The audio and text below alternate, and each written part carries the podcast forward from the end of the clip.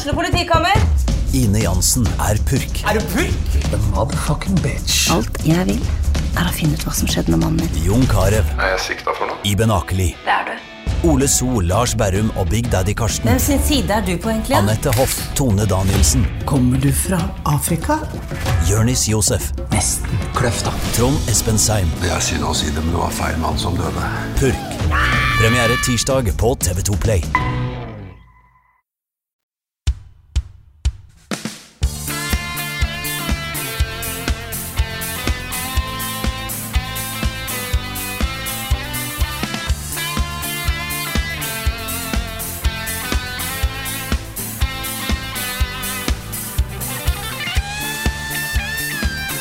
Neimen, hello dere.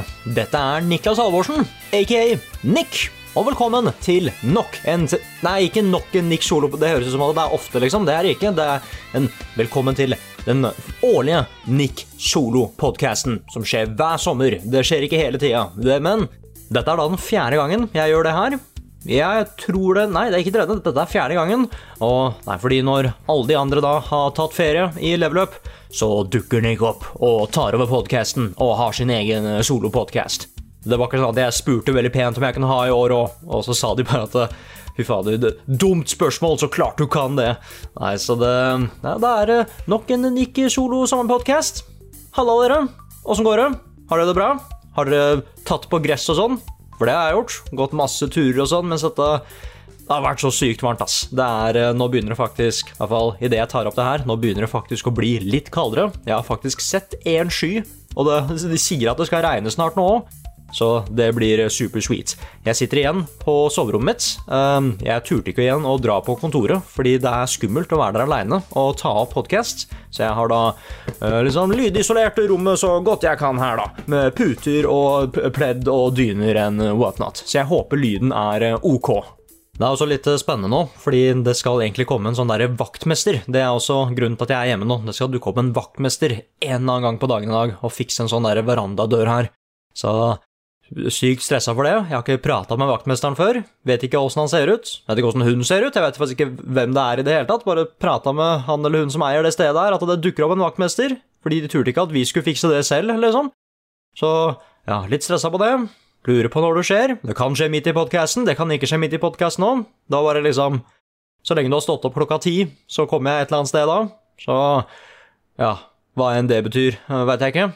Men eh, i, i hvert fall, da. Da kan vi i hvert fall sette i gang denne Nick Solo-podkasten. Fordi, som alltid da, det er på en måte en vanlig en så vanlig podkast som mulig. Jeg går gjennom det vanlige programmet. Men det kan hende at noen spalter er litt utvida og litt uh, miksa opp, da. Sånn at, eh, blir, eh, sånn at det blir en litt sånn Nick-flavored podkast her. Pluss at jeg klarer ikke helt å holde en helt vanlig podkast aleine, så jeg er nødt til å jeg er nødt til å jukse litt med å svare på ekstra mange spørsmål, sånn som jeg alltid gjør, og kanskje snakke om ting som jeg veit jeg klarer å snakke litt godt om, da, sånn som anime og TV-serier og film og litt sånn. Så ja, vet du hva? Da bare setter vi i gang. Dette her er da Nick sin solo sommerpodkast for 2023.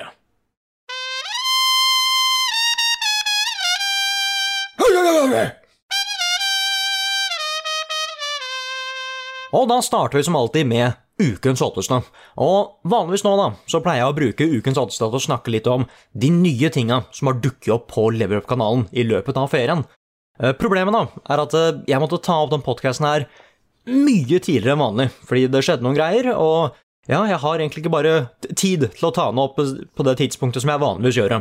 Så mens jeg sitter her nå da, så har det egentlig ikke skjedd så mye på Level Up-kanalen mens det har vært ferie. Det her tar til og med sted før ferien når jeg sitter her nå. Så ja, det, det siste jeg gjorde, var at jeg var vikar for, eh, for spilluka. Eh, Hjalp Carl med det og sånn. Eh, Brukte slips for første gang. Det var, det var interessant. Vi snakka om sånne skikkelig business Sånne skikkelig nyhets-business-greier, ikke sant, så det, det var alvor. Da måtte vi look the part. Men ellers så Fy faen, Frida ble doktor òg. Det, det er jo Jeg, Carl og Rune dro opp til Tro- Trondheim, yes, Trondheim, for å se at henne da skulle bli doktor, og det var ganske fett. Jeg ante ikke at liksom det var en sånn svær prosess med at eh, de samla mange folk og familiemedlemmer og kollegaer og sånn for å se at Frida skulle bli doktor. Så dukka disse folka her opp som skulle liksom ja, de, de skulle jo egentlig liksom bare dobbeltsjekke at alt det hun snakka om, stemte og sånn, men jeg liker å tenke at nei, nei, nei, nei. Jobben deres, de skulle få henne til å ikke bli doktor, de skulle liksom skjøtte ned alle ideene og sånn, men så klarte de det ikke, vet du. Frida hadde liksom en airtight uh, doctor plan, og ja, det var, det, det, det var sånn overraskende mye mer spennende enn det jeg trodde det skulle være. Så ja, congratulations, Frida. Og igjen, de var ikke slemme eller noe sånt, det var bare sånn en vanlig doktorgreie. Men det var gøy å tenke at dette her var uh, Vi satt liksom og tenkte bare at ah, hvis, uh, hvis, Frida ikke blir doktor nå, hva er det egentlig Vi har jo liksom kjøpt gaver og sånn, hva hva hva er det som skjer da? Og da fikk vi høre at det at noen ender opp med å ikke bli doktor, det pleier å være en sånn en veldig, veldig sjelden greie når noen har dette disputas, heter disputas, hvor du skal liksom bevise at du er doktor og sånn. Da må ting liksom være en helt fundamentalt feil ting, da, eller noen ikke har gjort uh, researchen eller forskningen riktig. Det var et eller annet sånt. Det er veldig sjelden at det skjer. Så Frida naila så klart det, hadde hele greia på engelsk og sånn, og det, nei, det var superstilig. Men eh, tilbake til liksom, uh, ja, hva som har skjedd på kanalen. da. Siden jeg ikke da kan liksom snakke om det som har skjedd, så kan jeg kanskje jukse litt, da. Fordi jeg vet hva som kanskje kan dukke opp på kanalen i den nærmeste fremtida nå, da. Som da er etter at dere har egentlig Dette har jo skjedd alt, dette, den timelinen her er helt tullete. Dette har egentlig skjedd for dere, men det har ikke skjedd for meg ennå. Men jeg tror jeg vet hva som kommer på kanalen da, mens det er ferie. Så da har jeg lagd en bitte liten liste som jeg veit er nesten 100 bankers, da. Ok. Fordi det første, da er at Carl, Frida, Svendsen og jeg har satt oss ned med en ny verste best og rangert den tredje generasjonen av Pokémon. Og ikke nok med det, fordi siden dette her er objektivt den beste generasjonen, så fikk vi også med oss Sebastian, som også var enig at dette var den beste generasjonen, og at uh, alle de som tenker noe annet, uh, heller melka i skåla før frokostblandingen og sånn. Nei, det, er, uh, det, det var kjempemoro, ass. Det, det, ble, det, ble til og med litt sånn diskusjoner og sånn òg. Det, det, blir jo av og til det, men dette var litt mer sånn det, Dette var litt mer sånn faktisk ordentlige diskusjoner, som er ganske sjeldent i level up-sammenheng, fordi vi er alle sammen så konfliktsky og sånn, ikke sant? Og så var det bare skikkelig kult å ha med Sebastian òg, fordi Sebastian er jo ikke på kontoret noe mer, ikke sant, og jeg savna å lage ting med han òg, så det var ordentlig gøy at han kunne være med, og at uh, igjen, jeg hadde en fellow companion her som sa at dette var den beste Pokémon-generasjonen. Åh, nei, det ja, spoiler alert, vi fikk begge våre favoritter på S-Class, liksom. Fikk meg Boy Gervashi, og det Nei, det var, det, det var skikkelig good times. Og nå er jeg litt sånn stressa òg, fordi jeg føler at vi har én dritgod Pokémon-generasjon til, og så går det litt lenger ned nå. Så jeg, jeg, er litt for, jeg er redd for å bli litt for negativ etter hvert. Men det er gøy å lage de der. Og snakker om det, da, fordi hvis alt går som det skal, da, så kan det også hende at det kommer én verste best til. Carl sa noe om, da, om at det enten skulle handle om p***er, uh, f***er, spillkonsoller eller p***. Så det blir spennende å se hva det ble. Uh, jeg tror det blir spillkonsoller, men det hadde også vært gøy med f***. Og den siste tingen, da, som jeg veit er 110% bankers, fordi vi allerede har spilt inn, er at Rune, Carl og jeg har satt oss ned og lagd våre topp ti filmelister. Og det var å, det var bare kos, ass. Jeg, elsker å snakke om, eh, å snakke om spill og sånn, det er kjempegøy, men det er noe med Jeg får ikke ut alt sammen når vi liksom kan snakke om film og sånn, for det skjer, det skjer ikke Det skjer egentlig ganske ofte, men det skjer bare ikke liksom i en superlang periode, ikke sant? En lang podkast hvor vi snakker om film og serie og sånn. Og det var skikkelig interessant. Det var skikkelig interessant å finne ut liksom hva de andre hadde på listene sine, og jeg liker at eh, det ble på en måte en litt sånn der character study, da. I hvert fall for meg, i hvert fall. Fordi jeg kunne veldig tydelig se både Rune og Carl liksom, veldig tydelig i listene sine. Og hvordan de er som folk og sånn. Vi nevnte det også flere ganger, at bare, ja, vi, vi, kan se noen mønstre her, liksom, på disse filmene. Så jeg føler at jeg kjenner dem litt bedre nå, etter, etter denne filmpraten. Og det er det de beste pratene gjør, spesielt når det er snakk om TV-serier og film og sånn. Det ble til og med litt diskusjoner her også, spesielt mellom meg og Carl. Det ble så hiret at vi heva stemmene litt og sånn, så han var ganske serious. Det, det, det, var sånn Fortsatt venner, da. Eh, det var ikke liksom Hadde vi vært i det samme rommet derimot, så veit jeg ikke hva som hadde skjedd, ass. Men uh, vi var over Discord, og vi var venner etterpå. Så det, det gikk helt fint. Så det er det som jeg er ganske sikker på har kommet nå, eller som skal komme nå i sommer, men som har kommet nå denne, et, etter at denne podkasten her da, er ute. Og hvis det har kommet noe mer på kanalen enn de tinga som jeg har tatt opp nå, så yeah! Hva har du spilt i det siste? I hva vi har spilt i det siste, eller i det jeg har spilt i det siste, så har det gått utrolig mye til fantasy-sjangeren, ser jeg nå. Fordi jeg har da spilt um, jeg, jeg, kan gå inn og spille først, så kan jeg liksom gå i dybden på hver av dem. Fordi jeg har da spilt Fire Emblem, som nå kom til denne her Nintendo Switch uh, Library-greia.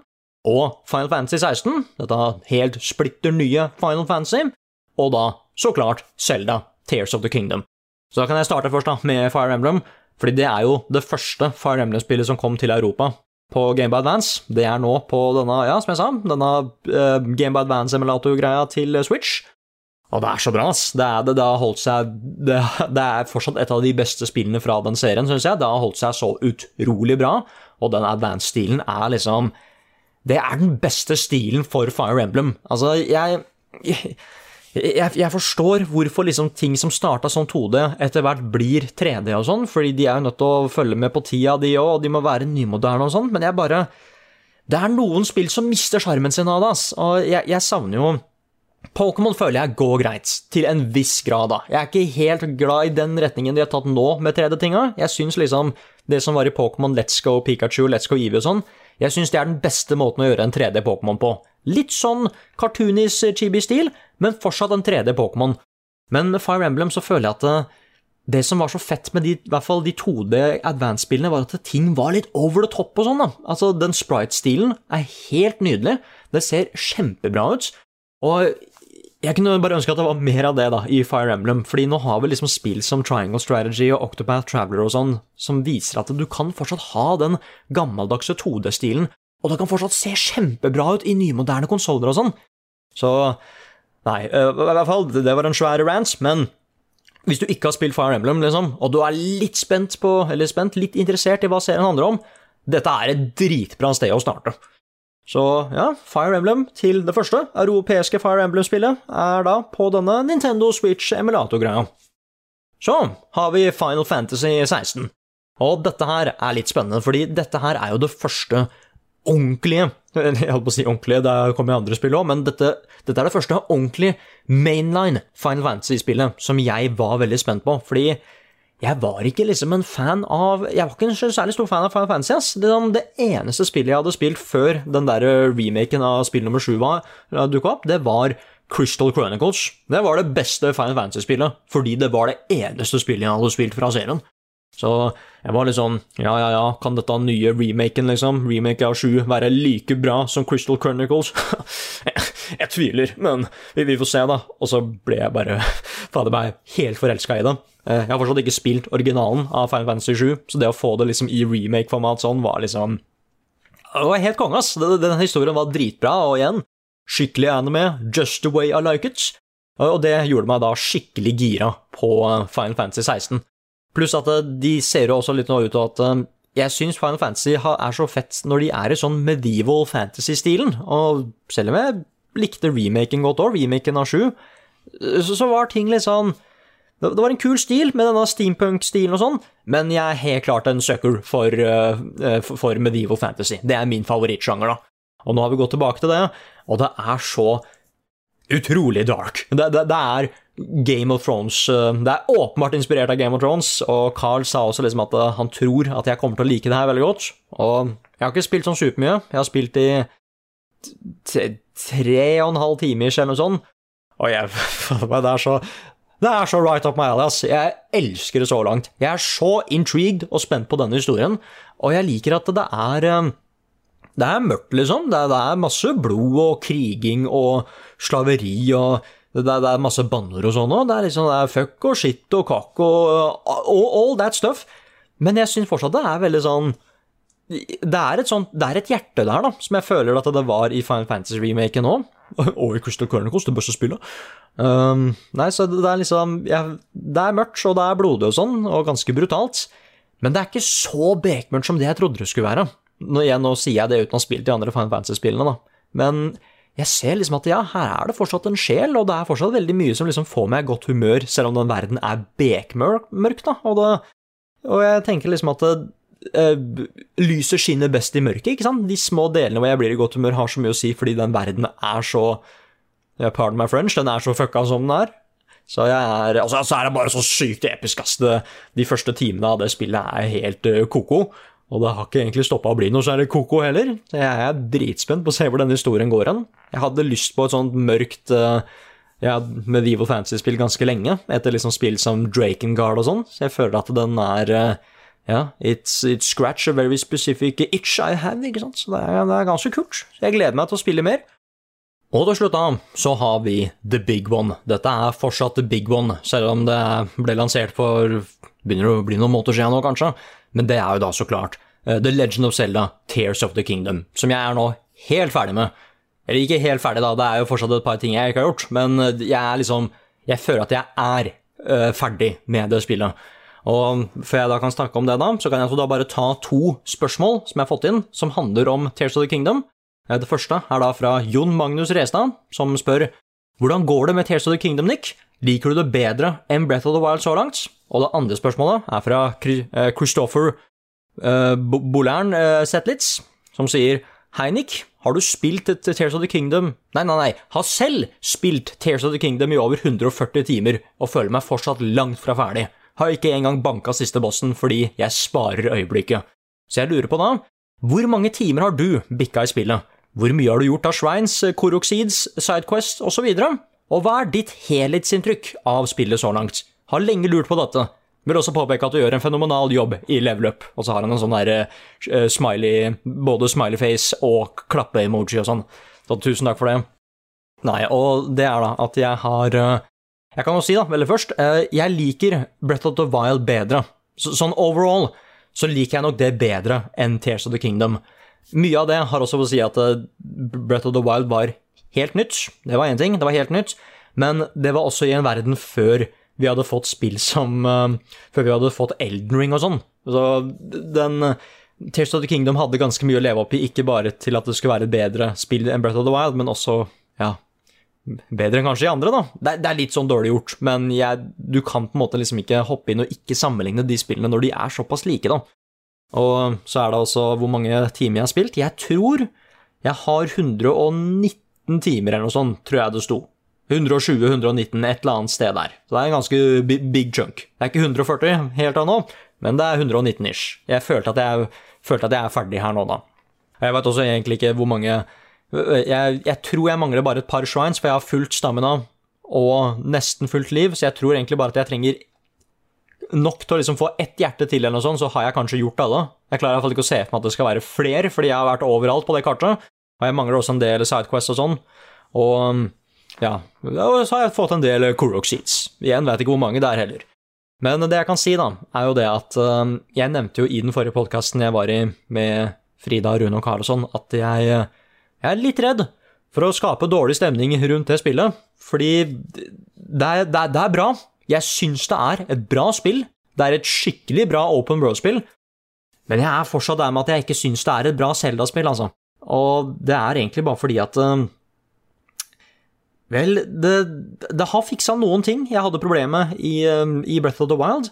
Jeg syns f.eks. nå at det er mange flere spennende folk du kan prate med. De har uppa sideoppdragene bitte litt mer også. Jeg syns også de shrinesa som er nå, er ganske mye mer tilfredsstillende å fullføre fordi du har denne mekanikken med at du kan lage ting, ikke sant. Så du kan jukse i shrines, og det fortsatt føles ganske rewarding, fordi hele poenget er bare at det er en puzzle, og åssen du løser det, er helt opp til deg, liksom.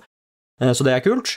Men samtidig så har den også introdusert en del ting som jeg hadde problemer med i det forrige spillet, som det, det kunne fiksa, men som da har også skapt litt nye problemer, da, som at eh, jeg syns ikke weapon durability er et så svært problem her nå, men det er fordi at nå handler det mer om å finne eh, deler og sånn. Altså monsterdeler og ting du kan putte på våpen, og jeg syns bare ikke at det er så tilfredsstillende, altså, med at det, det er ikke noe kult nå lenger å finne et nytt våpen, fordi det våpenet har ikke egentlig noe å si før du faktisk putter noe bra på det. Da. Så det er egentlig bare mye, mye, mer spennende å drepe fiender for å få deler som du kan putte på disse våpna. Så ja, igjen, jeg er fortsatt, fortsatt der. Jeg syns starten på det er dritbra. De første timene syns jeg funker dritbra, fordi du må være litt smart med åssen du bruker våpen og sånn, helt til du får noe litt bedre greier. Men det er fortsatt den greia med at jeg bruker jo ikke de sterkeste våpnene jeg har, for jeg er redd for at de skal bli ødelagt fordi ting blir ødelagt så fort, og det er vanskelig å liksom Det er vanskelig å bli skikkelig gira for rewards som våpen og sånn, når jeg veit at de også kommer til å gå i stykker, og jeg må sette ting på dem for at de skal bli dritbra. Så det er litt sånn opp og ned, men ellers er det egentlig bare at eh, jeg syns eh, Jeg, jeg syns hmm, skal jeg si dette her uten å spoile? Jeg syns de nye tinga ikke er utforska nok, sånn som okay, bitte liten spoiler, sånn som The Depths og himmelgreiene, liksom. Jeg syns jeg, jeg syns det mangler en del ting der, altså. Jeg syns det er igjen kult på starten, førsteinntrykket er bra, men så ble ting veldig repetitivt og ganske lite. Og jeg kunne også igjen ønske at jeg var mye mer glad i historien, fordi jeg syns den starter så utrolig bra med å være under liksom Hyrule Castle, og så finner de denne mumien, og det er dritekkelt, og musikken er skikkelig fæl, og det er skikkelig gode mysterier på liksom hvor er det blitt av Selda og sånn.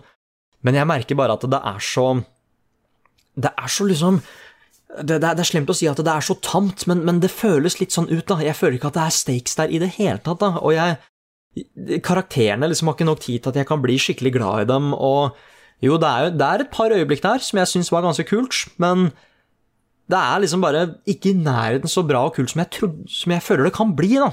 Samme med Ganondorf òg. Det, liksom, det er kult at Ganondorf er tilbake igjen, men jeg vil ha jeg syns han var utrolig generisk. det er egentlig det. Jeg synes han var veldig, veldig generisk, og jeg har så mange spørsmål med den historien som krasjer litt for meg, og jeg veit at det er egentlig Det er teknisk sett et spill for barn, men jeg føler Selda har gjort det mye bedre nå.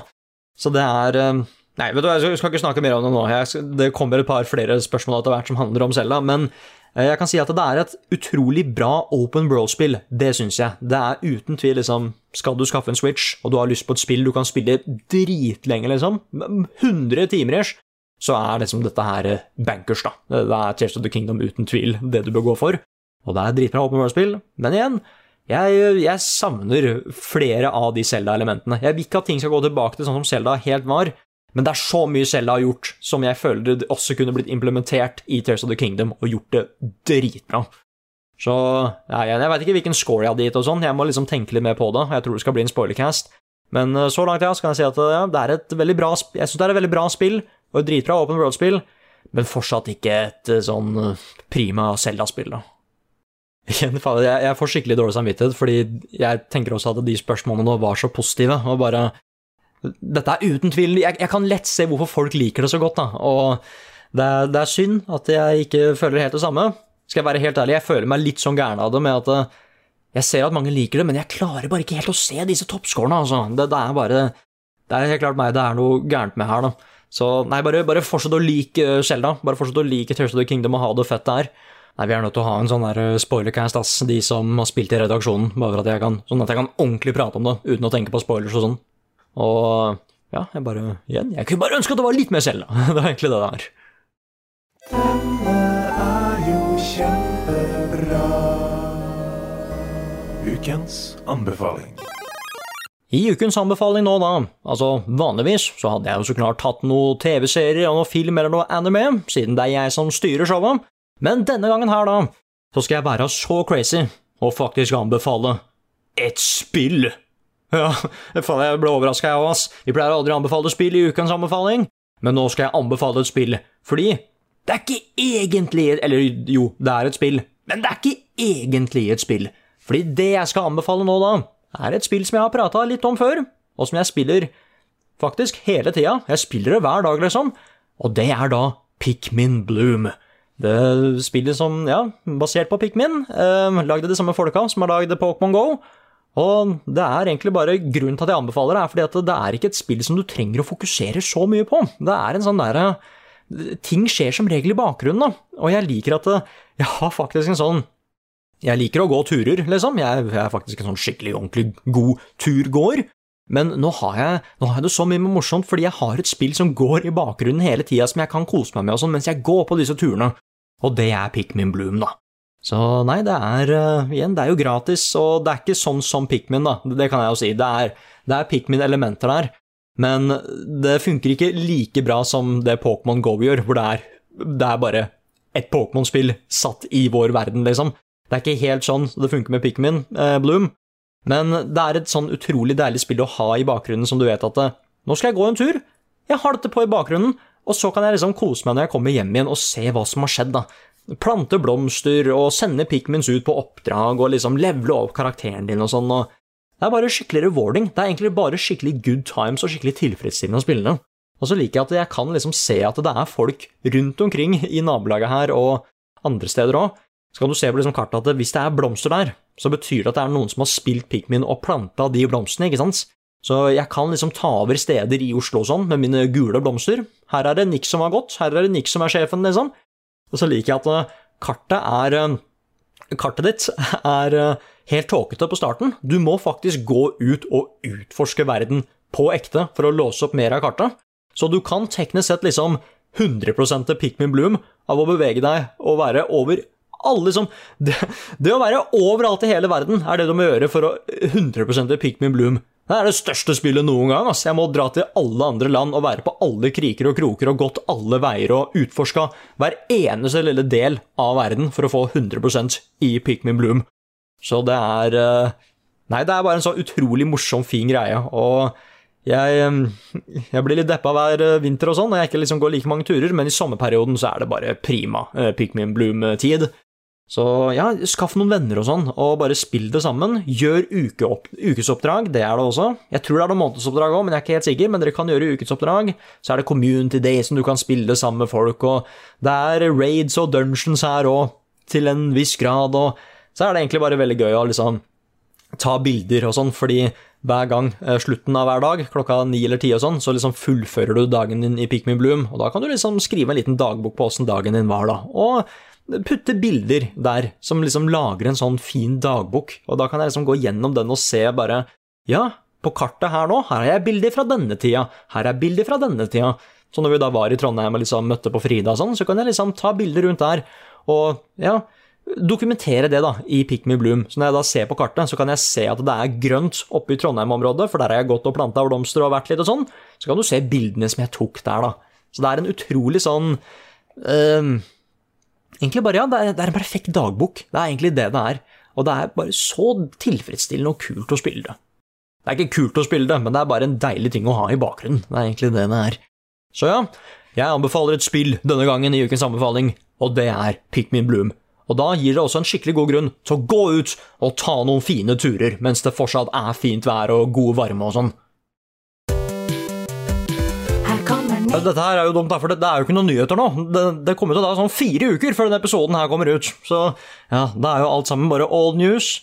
Så jeg kunne kanskje ha prøvd å spådd hva som hadde skjedd. da. Det hadde vært litt kult. Bare liksom ja, eh, Insomnia Games går tilbake og sier at eh, vet du hva, vi gjorde en skikkelig stor feil med å forandre ansiktet til Peter Parker, så nå har du muligheten til å skifte til det gamle hvis du har lyst. Eller et eller annet sånt, da. Men eh, nei, jeg Vet du hva, vi, vi takker sjansen på det. Plutselig så kommer det noen svære nyheter. ikke sant? Så nei, sorry, ikke noen nyheter i år. Uh, neste gang, så hvis dette her liksom Hvis jeg er på riktig schedule, så har jeg kanskje noen nyheter. Men uh, nei, jeg, jeg, klarer dessverre ikke å se fremtiden, altså. Sorry. Uh, hva kommer egentlig nå? Jeg har ikke peiling. Hva kommer nå? Da har vi kommet til wildcard-spalten, og i forrige episode, eller forrige episode, i, forrige, i fjor, liksom, så hadde jeg en wildcard der jeg prøvde å liksom rangere de spillene som jeg har gitt topp ti. Altså prøve å ja, finne ut av hvilke av de spillene som var på toppen av the best of the best, liksom.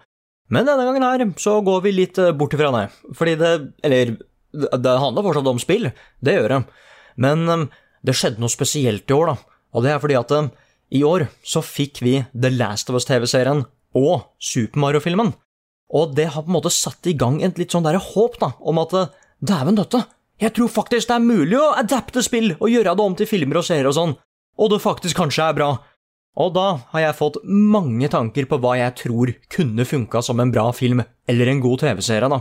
Og det er det denne lista her handler om, som jeg har lagd nå. For det jeg har lagd da, er topp ti, eller ikke topp ti, det er ikke noe topp, men det er Ti spill som jeg tror kunne blitt gode filmer eller serier. Altså, hvis jeg hadde eh, Ok, ikke hvis jeg liksom hadde uendelig med midler og penger og sånn, det er ikke helt en sånn liste, men det er egentlig bare det jeg selv tror kunne blitt ganske kule opplevelser, da, hvis det ble gjort riktig på film og TV. Jeg har jo så klart noen caveats her og der, jeg må forklare litt hva jeg tenker sånn, og hva jeg tror hadde fungert. Men ja, igjen, nå som jeg føler at vi endelig har ikke liksom ødelagt the, the spill adaption curse, det føler jeg Castlevania allerede har gjort. Vi må bare liksom fortsette nå, mens komboen ja, kan holde seg gående. Så dette her er da ti spill som jeg, Nick, tror kunne blitt gode filmer eller serier. Og da, på tiendeplass Nei, ikke på tiendeplass, det er ikke noe rangering her, men det tiende spillet da, på lista, det er God of War. Og jeg tar den først, fordi vi vet nå at det skal faktisk komme en God of War-adopsjon som en TV-serie fra Amazon som kommer til å handle om den remake, ikke remaken, men rebooten av God of War, da. Norrøne God of War. Og igjen, det er jo den mest liksom Jeg kan se for meg hvorfor det kanskje er den letteste liksom, tingen å adapte. Men jeg hadde ikke starta der. Fordi jeg tror at en God of War-film først hadde fungert litt bedre, da. Og jeg tror også at vi ikke skulle tatt det første spillet. Eller noe av det første spillet skulle vi tatt, men vi skulle tatt det som skjer før det første spillet. Altså åssen Kratos, hovedpersonen i God of War, forresten, åssen Kratos ble The Ghost of Sparta. Den historien tror jeg kunne blitt en veldig, veldig god film. En serie òg, sannsynligvis, men en, jeg føler en film er nok da, til å virkelig liksom gi han den bakgrunnshistorien han trenger. Og Nei, jeg, jeg ser det for meg ganske godt. Liksom, vi følger Kratos mens han Fikk jeg i halsen, sorry. Vi følger Kratos mens han er en general for Sparta. Han går i krig, og alt ser ut til å gå bra, men så går det plutselig ikke så bra. Han møter på en skikkelig fæl motstander. Og da kunne liksom klimakset vært det at han ender opp med å Dette er litt spoiler, da, hvis du ikke har spilt God of War, sorry for det, men dette er på en måte det som setter i gang serien, så jeg føler det går bra. Da kunne liksom slutten, eller klimakset til filmen, vært at han endelig bestemmer seg for å få hjelp av Ares, the God of War, da. Og igjen, da, så kunne vi hatt på slutten Vi måtte fiksa på et par timeline-ting her, vi måtte tatt noen friheter, men det skulle da slutta med den hendelsen som gjør han til The Ghost of Sparta. Skal ikke spoile hva det er hvis du ikke veit det men eh, han gjør noen greier. Og når han da blir The Ghost of Sparta, det er det som til slutt gir han motivasjonen til å ville ta ut krigsguden Ares. Og det tror jeg kunne blitt en ganske kul historie, da. Så ja, eh, God of War. Igjen, det kommer en Amazon-serie. Jeg føler bare at det, dette hadde hjulpet den serien òg, da, tenker jeg. Så, ok. På niendeplass, da, eller iallfall det niende spillet på lista Jeg hva, vi bare sier plass for å gjøre det rett. På niendeplass, da, så har vi et spill som jeg føler er ganske bankers kommer til å bli noe av, da. Spesielt nå pga. Mario-filmen, og det er The Legend of Zelda. Som om den blir animert eller filma eller hva den er, det, det glemte jeg også å si. Uh, God of War er live action. Uh, fordi Zelda tror jeg enten Vet du hva? Jeg tror Zelda fortsatt kunne fungert som både live action og 3D-animasjon. Jeg føler begge to kan fungere veldig bra. Men det store spørsmålet er da bare hvilken Zelda-historie skal vi gjøre om til en film? Fordi de historiene er ganske svære ikke sant? i hvert eneste spill, og vi kunne i hvert fall ikke gjort noe av de nye spillene som er så åpne og sånn. Eller vi kunne, men det hadde kanskje Ok, back on track her. Så det spillet da, som jeg tror kunne blitt den aller første Zelda-filmen, og det som liksom kunne introdusert folk til Zelda, er The Legend of Zelda Ocarina of Time. Og det jeg hadde gjort da, er at eh, jeg tror liksom én film hadde vært eh, Da måtte vi rusha en del. Så jeg tror at to filmer, enten to animasjonsfilmer eller to live action-filmer, filma etter hverandre, liksom Lord of the Ring-style, jeg tror det kunne fungert ganske bra. Fordi den, det spillet handler jo om time travel og sånn, ikke sant? Det er derfor det er The Ocarina of Time.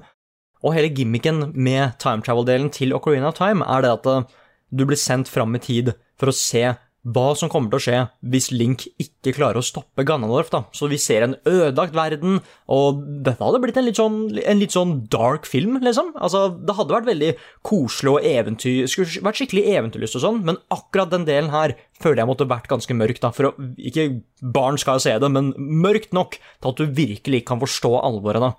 Og jeg føler at eh, den eh, konflikten der kunne liksom blitt bygd opp halvveis i film nummer én, og så kunne film, resten av filmen handla om hva han må gjøre som barn, før han da virkelig bestemmer seg for å dra tilbake til fremtida, da, for å stoppe Ganondorf. Så det er det første filmen skulle handle om. Første filmen skulle handle om den mesteparten av den delen hvor han er ja, i The Child Timeline, løser ting og sånn der. Og igjen, han ser et glimt av fremtiden, kommer tilbake igjen, skal prøve å fikse ting i nåtida, Og da skulle den filmen slutta med at han igjen drar til fremtida, og film nummer to da handler om fremtidsdelen og det hvor han da skal slåss mot Ganondorf med Selna. Tror det kunne blitt kult, altså. Og jeg, jeg ser på meg slutten til Ocarina of Time er så utrolig sterk òg, fordi den er så enkel og fin at uh, Holdt jeg på faktisk spoile nøyaktig hva det er nå, men det hadde vært en kjempefin siste scene i filmen, da, i denne, i denne topart-filmen. Den siste scenen til Ocarina of Time. Jeg kan se det veldig klart for meg, da. Både i live action og sånn 3D-animasjon, sånn som Mario-filmen hadde. Måtte så klart kutte en god del ting, sånn som Dungeons og Ikke alle Dungeons, men et par av dem. Dette måtte streamlines litt, men jeg tror det kunne fungert, ass. Det åttende spillet på lista, det er Infamous-spillene. Eller det første Infamous-spillet. Det er et superheltspill, handler om en person som får lynkrefter og sånn. Uh, mye av det spillet er også liksom bygd opp til at du skal ta forskjellige valg, altså hva du velger å bruke kreftene dine til. Skal du bli en superskurk, eller skal du bli en superhelt? Og jeg tror det kunne fungert som en live action-film, fordi det første er at historien til det første er veldig uh, Den er veldig enkel å følge. Det er så klart en god del ting som skjer der, for det er jo superhuman beings som driver og slåss mot hverandre og sånn, men settingen med liksom en ødelagt by som er fordi det er sånn spillet starter. Det er en svær eksplosjon som gir hovedpersonen vår Cole kreftene sine, og det liksom isolerer byen fra resten av verden, fordi de aner ikke hva som har skjedd. Eh, jeg tror at det som en setting kunne vært veldig interessant, og jeg tror at alle valgene som du tar rundt omkring i spillet Det hadde vært litt kult hvis han miksa det opp litt med at eh, han er en snill person, men han ser også hva fordelene kunne vært hvis han dyppa tåa litt i den mørke siden nå, da. At han er ikke 100% snill.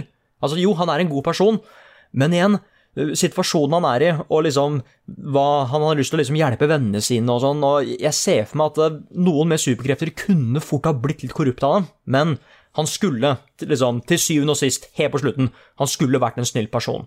Og igjen, eh, det er noen plot twister her og der som jeg tror hadde passa kjempebra til film. Det er en faktisk skikkelig sånn den historien her tar mange twists and turns, og spesielt så skiller den seg veldig ut fra våre superheltfilmer som vi får nå, da. Uh, og jeg tror slutten også kunne vært veldig veldig sterk, fordi slutten er en av eh, Det er jo en cliffhanger. Den bygger jo opp til det neste spillet, som da hadde vært den neste filmen. Men jeg tror det kunne blitt en skikkelig minneverdig avslutning. ass. En skikkelig skikkelig kul cliffhanger, og som kunne gjort deg skikkelig gira på den neste filmen. Den neste spillet på lista, det, det er litt spesielt, fordi vi har faktisk allerede fått en adopsjon av det spillet her. Problemet er at den adopsjonen gjorde det ikke så bra som det den kunne ha gjort, og det ødela altså liksom muligheter til å få fremtidige filmer av dette spillet. Så vi prøver en gang til. Vi gir denne serien ett forsøk til til å gi den en adopsjon, men vi adapter da ikke det første spillet, vi adapter det tredje spillet. Fordi spillet jeg prater om da, er Warcraft. Jeg tror at hvis vi ikke hadde hatt en film, men at vi isteden hadde hatt en Warcraft-serie, så tror jeg ting kunne flyte mye bedre. Det er én ting, fordi det, det, var problemet med den første filmen. Du kunne holde følge hvis du hadde spilt Warcraft og visste litt på forhånd, men jeg tror du også kunne bli veldig veldig lost. Um, hvis du ikke visste noe om Warcraft, så, fort, så gikk det litt fort i svingene, liksom. Men hvis vi fikk en serie der ting kunne blitt bygd opp, bygd opp skikkelig, fått ting skikkelig i kontekst og sånn, det hadde fungert veldig, veldig bra, tror jeg. Men den historien som jeg mest vil se en adopsjon av, det er Litch King-historien. Altså historien til Arthus. Det er det jeg vil se. Og jeg tror at en film Jeg tror på en måte en film kunne fungert òg, men hvis vi har en serie, og vi virkelig bygger opp hva som skjer med Arthus, og åssen han blir The Litch King Å, jeg kan se det så godt for meg, ass! Det er så mange ikoniske scener i den historien der som lett kunne blitt liksom svære snakkiser. Bare 'Å, herregud, i denne episoden der så skjedde dette', og i denne episoden så skjedde det her'. Og det er så fett òg, fordi det er både sånn, Hvis du har spilt spillet, så vet du jo hva som skjer med Arthus, altså aka The Litch King. Og det, altså, det tar også sted i den World, i den World of Warcraft-delen, som ikke er så crazy fantasy ennå. Den er faktisk jeg tror det faktisk hadde fungert ganske bra, fordi det er veldig likt Game of Thrones. De skal prøve å stoppe en zombie-apokalypse, liksom, og så går det litt vilt for seg. Jeg tror det kunne fungert bra. En zombie-apokalypse i en medieval setting, bare at det var mye mer i fokus enn det det var i Game of Thrones. Og så bare fulgte vi hele reisen til Arthus. Altså, idet han ble en knight, hvem han er, familien hans og sånn, hvorfor han endte opp med å kanskje bli, ikke bare kanskje, hvorfor han ble The Litch King, det er en utrolig god character study her, og en veldig, veldig unik fantasy-historie. Så igjen, vi prøver ikke å lage en Warcraft-film igjen, vi prøver å lage en Warcraft-serie. Og vi måtte gjort den så contained at uh, du trenger ikke å vite noe annet om Warcraft for å se den her. Den skulle vært litt dumbed down, dessverre, for det er bare sånn det er nødt til å være. Hvis ikke så må vi ha to serier eller to filmer til. Den skal være veldig dumbed down. Handler om Arthus. De skal stoppe det zombie apocalypse. Dette er den verden de lever i, og det er det. Og så må du vite litt om hovedskurken, da, det må du, men det føler jeg Hvis Ringenes herre 1 klarte det bra, så tror jeg det her er mulig å få til i en TV-serie og med Warcrafts. På sjetteplass så har vi nok et ganske svært spill, og det er da Red Dead Redemption. Det er jo da to Red Dead Redemptions nå, og jeg tror begge to kunne fungert veldig bra som TV-serier. For jeg, jeg, dette er for svært til å bli film, syns jeg. Eh, her trenger, du, her trenger du ganske mye tid for å virkelig bli kjent med karakterene og sånn. Og jeg tror begge spillene kunne fungert bra, men jeg føler at du får mest ut av Red Dead Redemption 2-historien hvis du vet om hva som skjedde etter det, da, fordi Red Dead Redemption 2 er jo en prequel til Red Dead Redemption 1. Og jeg tror Red Dead Redemption 1 kunne fungert utrolig bra som en TV-serie, fordi historien handler om en kar som heter John Marston, og familien hans blir tatt til fange av politi, eller FBI, tror jeg det var, faktisk. Uh, og det er fordi at eh, han er en outlaw, han er en former outlaw i en veldig kjent, eh, kjent gjeng. Og han får da ordre om at eh, hvis du har lyst til å se familien din igjen, så kan vi liksom Vi er villige til å gi deg liksom friheten din, men da må du jakte på å få inn alle disse her folka som var med i den gjengen som du var i når du var en skikkelig outlaw. Og det er det spillet handler om. Du reiser rundt omkring i den ville vesten for å finne your old crew og ta dem ut. Enten levende eller død, liksom. Og det er på en måte det hver Jeg vet ikke hvor mange episoder serien skulle hatt. Kanskje vi bare gir ti episoder for å gjøre det veldig veldig enkelt, så har vi litt spillerom. Men at hver episode kunne Kanskje ikke hver episode engang, liksom bare et par episoder er på en måte hver sin lille historie, sin lille ark, som handler om at han skal ta ut dette bestemte medlemmet av den gjengen. Og fordi det er på en måte sånn spillet er bygd opp litt òg. Selv om historien er ganske lang i spillet, så igjen, vi måtte kutte av en del ting og gjort det litt lettere å følge. Men åh, det, det universet der er så det, det, er så, det, er så, rich, eh, rikt. Det er så gode karakterer, dritgod setting, skikkelig gode historier. Og jeg tror også liksom at uh, igjen den uh, slutten på det spillet er utrolig ikonisk, og jeg, jeg, tror det hadde Dette er egentlig en sånn serie som jeg faktisk tror ikke kunne bare fungert bra for fans av spillet og sånn, og bare fans som er glad i gode actionserier. Jeg tror den serien her kunne gjort det faktisk utrolig bra, altså. Det er skikkelig, skikkelig bra drama her. Så ja, Red Dead Redemption, en TV-serie. Vi sier ti episoder, da. Ti episoder. Vi, ja, vi, vi, pitcher det her. Ti episoder, så ser vi om vi klarer å fortelle hele Red Dead Redemption-historien til det. Og hvis dette her da gjør det skikkelig, skikkelig bra, da kan vi ha Red Dead Redemption 2. Som igjen, jeg føler fungerer så mye bedre hvis du vet hva som skjedde med den gjengen etterpå, og så kan du se prequel-TV-serien og bli sånn Å ja, ja, ja, ja, jeg skjønner, nå skal de bygge opp disse tingene som vi hører om i det originale spillet. Det, det er fett. Nei, så føler den er egentlig en no-brainer. ass. Historien funker så bra òg, ikke sant? Den er skikkelig cinematisk, så det hadde vært en dritgod TV-serie. Nå blir det litt mer tricky, fordi det neste spillet på lista, da, det er et spill som er veldig sånn Det er ikke i nærheten så cinematisk som de andre som har vært her nå. Det er mye mer fokus på gameplay, og det har en historie, liksom, men bare at den er veldig minimalt, liksom. Det er veldig minimalt fortalt. Men universet er utrolig interessant, og settingen, og hele liksom Hva, hva sier jeg da? Fordi jeg tror en Dead Space-film kunne blitt ganske kult. Uh, igjen, dette hadde vært en ganske voksen film, liksom. Dette er i hvert fall ikke for barn. Dette er sånn aliens, liksom. Her er det skikkelig blodig, brutal science fiction-skrekkfilm. Men jeg tror det kunne fungert hvis vi hadde vært litt smarte, da. Fordi det som skjer, er at uh, i spillet så styrer du en kar som heter Isaac Clark, fordi du er på et redningsoppdrag. Eller ikke et redningsoppdrag, du er mer en ingeniør. Du skal prøve å finne ut av hva som har skjedd på et svært romskip som heter Ishimura. Det har sendt ut et nødsignal, men nå er det ingen som svarer. Så da skal du og et lite team prøve å finne ut av hva som har skjedd, og du er ingeniøren som skal fikse skipet. Uh, pluss at kjæresten din er også på skipet, ikke sant? så du, du, har litt stakes her. Du må finne ut av hva som har skjedd med kjæresten. Og uh, ja, igjen, alle vet nå hva Dead Space er, men bare for å være helt sikker så skal jeg ikke spoile hva som har skjedd. Men uh, du får Rundt omkring i spillet så er det veldig mange sånne audiologs på hva som skjedde på Ishimura før du ankom dit. da.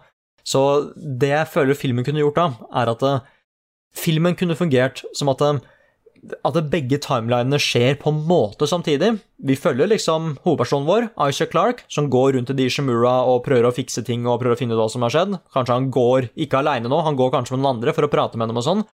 Men samtidig da, så kan vi også vise hva som skjedde på Ishimura før han dukka opp. At liksom, timelinen er litt sånn fram og tilbake her. Det, ting skjer litt sømløst. Det, ser ut som at alt, ser som at alt ser, skjer på en gang. Men jeg tror det kunne fungert veldig, veldig bra fordi mot slutten da, så kunne de to historiene ha kobla seg sammen. Og det hadde også gjort uh, Igjen, dette er en historie med mange twist and turns, og jeg tror det å fortale det på den måten her, med de to perspektivene, hva som skjedde før og etter denne hendelsen, liksom, jeg tror det kunne, tror det kunne flyte ganske bra, altså. Um, og jeg tror også en serie hadde vært litt for mye. Jeg tror en film hadde fungert fint. Nei, og bare igjen, også et spill som har en skikkelig, skikkelig minneverdig avslutning. Og jeg føler også at du hadde ikke egentlig trengt å lagd noen filmer fra de andre spillene. Jeg føler Dead Space-historien hadde fungert veldig, veldig fint aleine. De kunne hinta til ting som skjer i de neste spillene, liksom, for å bare, ja, enda mer bygd opp hvor hvor kult, men også hvor skummelt dette universet er. Men bare fokusert på Dead Space, og ikke liksom bygd opp til noen oppfølger eller noe sånt. Jeg tror dette her kunne blitt fett, altså. Nå, det fjerde spillet på lista er uten tvil det mest obskure spillet, fordi da er vi inne på litt mer sånn litt mer nikk-sida av spill. Vi har jo egentlig vært litt på nikk-sida her òg, vi har jo tatt spill som jeg selv tror kunne blitt gode filmer, men dette her er veldig, veldig nikk. Fordi jeg tror en film eller en serie hadde vært fett hvis vi fikk det av Drakengard. Drakengard er en um, det, det, er litt morsomt, fordi folk flest vet om Near-serien, altså Near, Near Automata, mer enn Drakengard. Og det er derfor altså det er ironisk, fordi Near er en spin-off fra en serie som heter Drakengard. Drakengard er en medieval fantasy-serie fra, fra, han, fra han Yoko Taro, Så det er samme kar som har lagd begge tinga. Og det er mye mer, mye mer dark fantasy. Han er veldig veldig glad i å lage mørke historier, og jeg tror det her kunne Igjen, kunne fungert bra som en film eller serie, men jeg tror vi kunne fått det til bra med en film. Sånn to og en halv time lang film. Det, er mye som skjer i denne historien her, men mye av det som gjør at historien tar lang tid å spille gjennom i det spillet, er fordi at eh, du må spille gjennom den flere ganger for å få alle sluttene. Og det er ikke bare sånn at eh, du tar forskjellige valg, og så bare får du en annen slutt. Det er ikke noe sånn noe skjer med hver gjennomspilling som gjør at hver gjennomspilling er litt annerledes, som fører til den slutten. Og det vi hadde gjort da, er at vi måtte ha hatt en, ha hatt en sånn hybrid av alle sluttene og alle playthroughene. Så vi måtte ha kutta mye og lagt i mye greier, og dette hadde, vært, dette hadde vært et prosjekt, liksom, for å prøve å virkelig få til å stemme ordentlig. Det aller viktigste er at den slutten vi hadde hatt eh, til Drakengard, hadde vært den aller siste slutten. Fordi det er den slutten som leder opp til Near. Um, den, den, er så bonkers, jeg skal ikke si nøyaktig hva det er, men den siste slutten til Drakengard skulle på en måte være en spøk. da. Det skulle bare være en sånn Hva hvis vi bare gikk fullstendig bananas til slutt? Men så funka det så bra at de lagde en spin-off-serie av det, som da ble Near. Og det her ehm, det er en sånn, igjen, Dette er en historie som hadde fungert veldig veldig godt alene. Vi hadde ikke trengt flere sesonger eller flere filmer. Hadde det vært da, så kunne vi kanskje utforska Near eller noe sånt. Men den settingen der, og de karakterene, og det som skjer der, hadde vært en kjempeunik form for fantasy. Helt annerledes fra liksom Ringenes herre og de tingene der. Skikkelig mørk fantasy, til og med annerledes enn Game of Thrones. Og jeg tror det også hadde fungert, for det er igjen Drakengard. Det er mye drager og sånn her. Men når vi har sett hvor godt liksom, Game of Thrones har fått det til, så tror jeg det her kan funke, ass. Nei, og igjen, Det hadde bare vært en utrolig unik historie, og jeg hadde elska å se hvordan folk hadde reagert på den slutten. Det er, en, øh, det er en skikkelig twist, og jeg digger twister, og dette hadde vært en av de mest øh, minneverdige twistene. Nå blir det litt morsomt, øh, fordi den neste filmen på lista, da, eller det neste spillet på lista, er To the Moon. Og da kan jeg sette for meg enten en animefilm eller en live action-film. Eh, hadde det vært animert, så tror jeg det kunne vært kjempepent. Det kunne blitt kjempenydelig. Men jeg tror at eh, selv om det er en større utfordring, så tror jeg du også kunne gjort, gjort det kjempevakkert med en live action-film.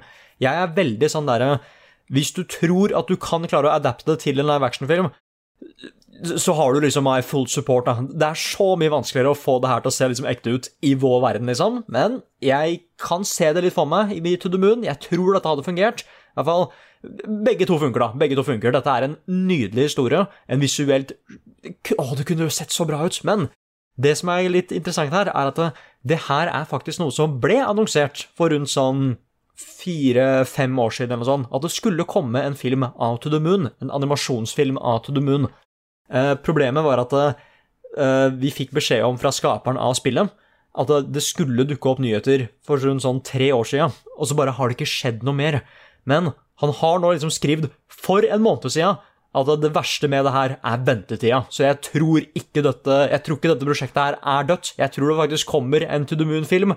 Kanskje den til og med er liksom, kanskje nyhetene om det er rett rundt hjørnet, en trailer eller et eller annet sånt, for da har det tatt ganske mange år.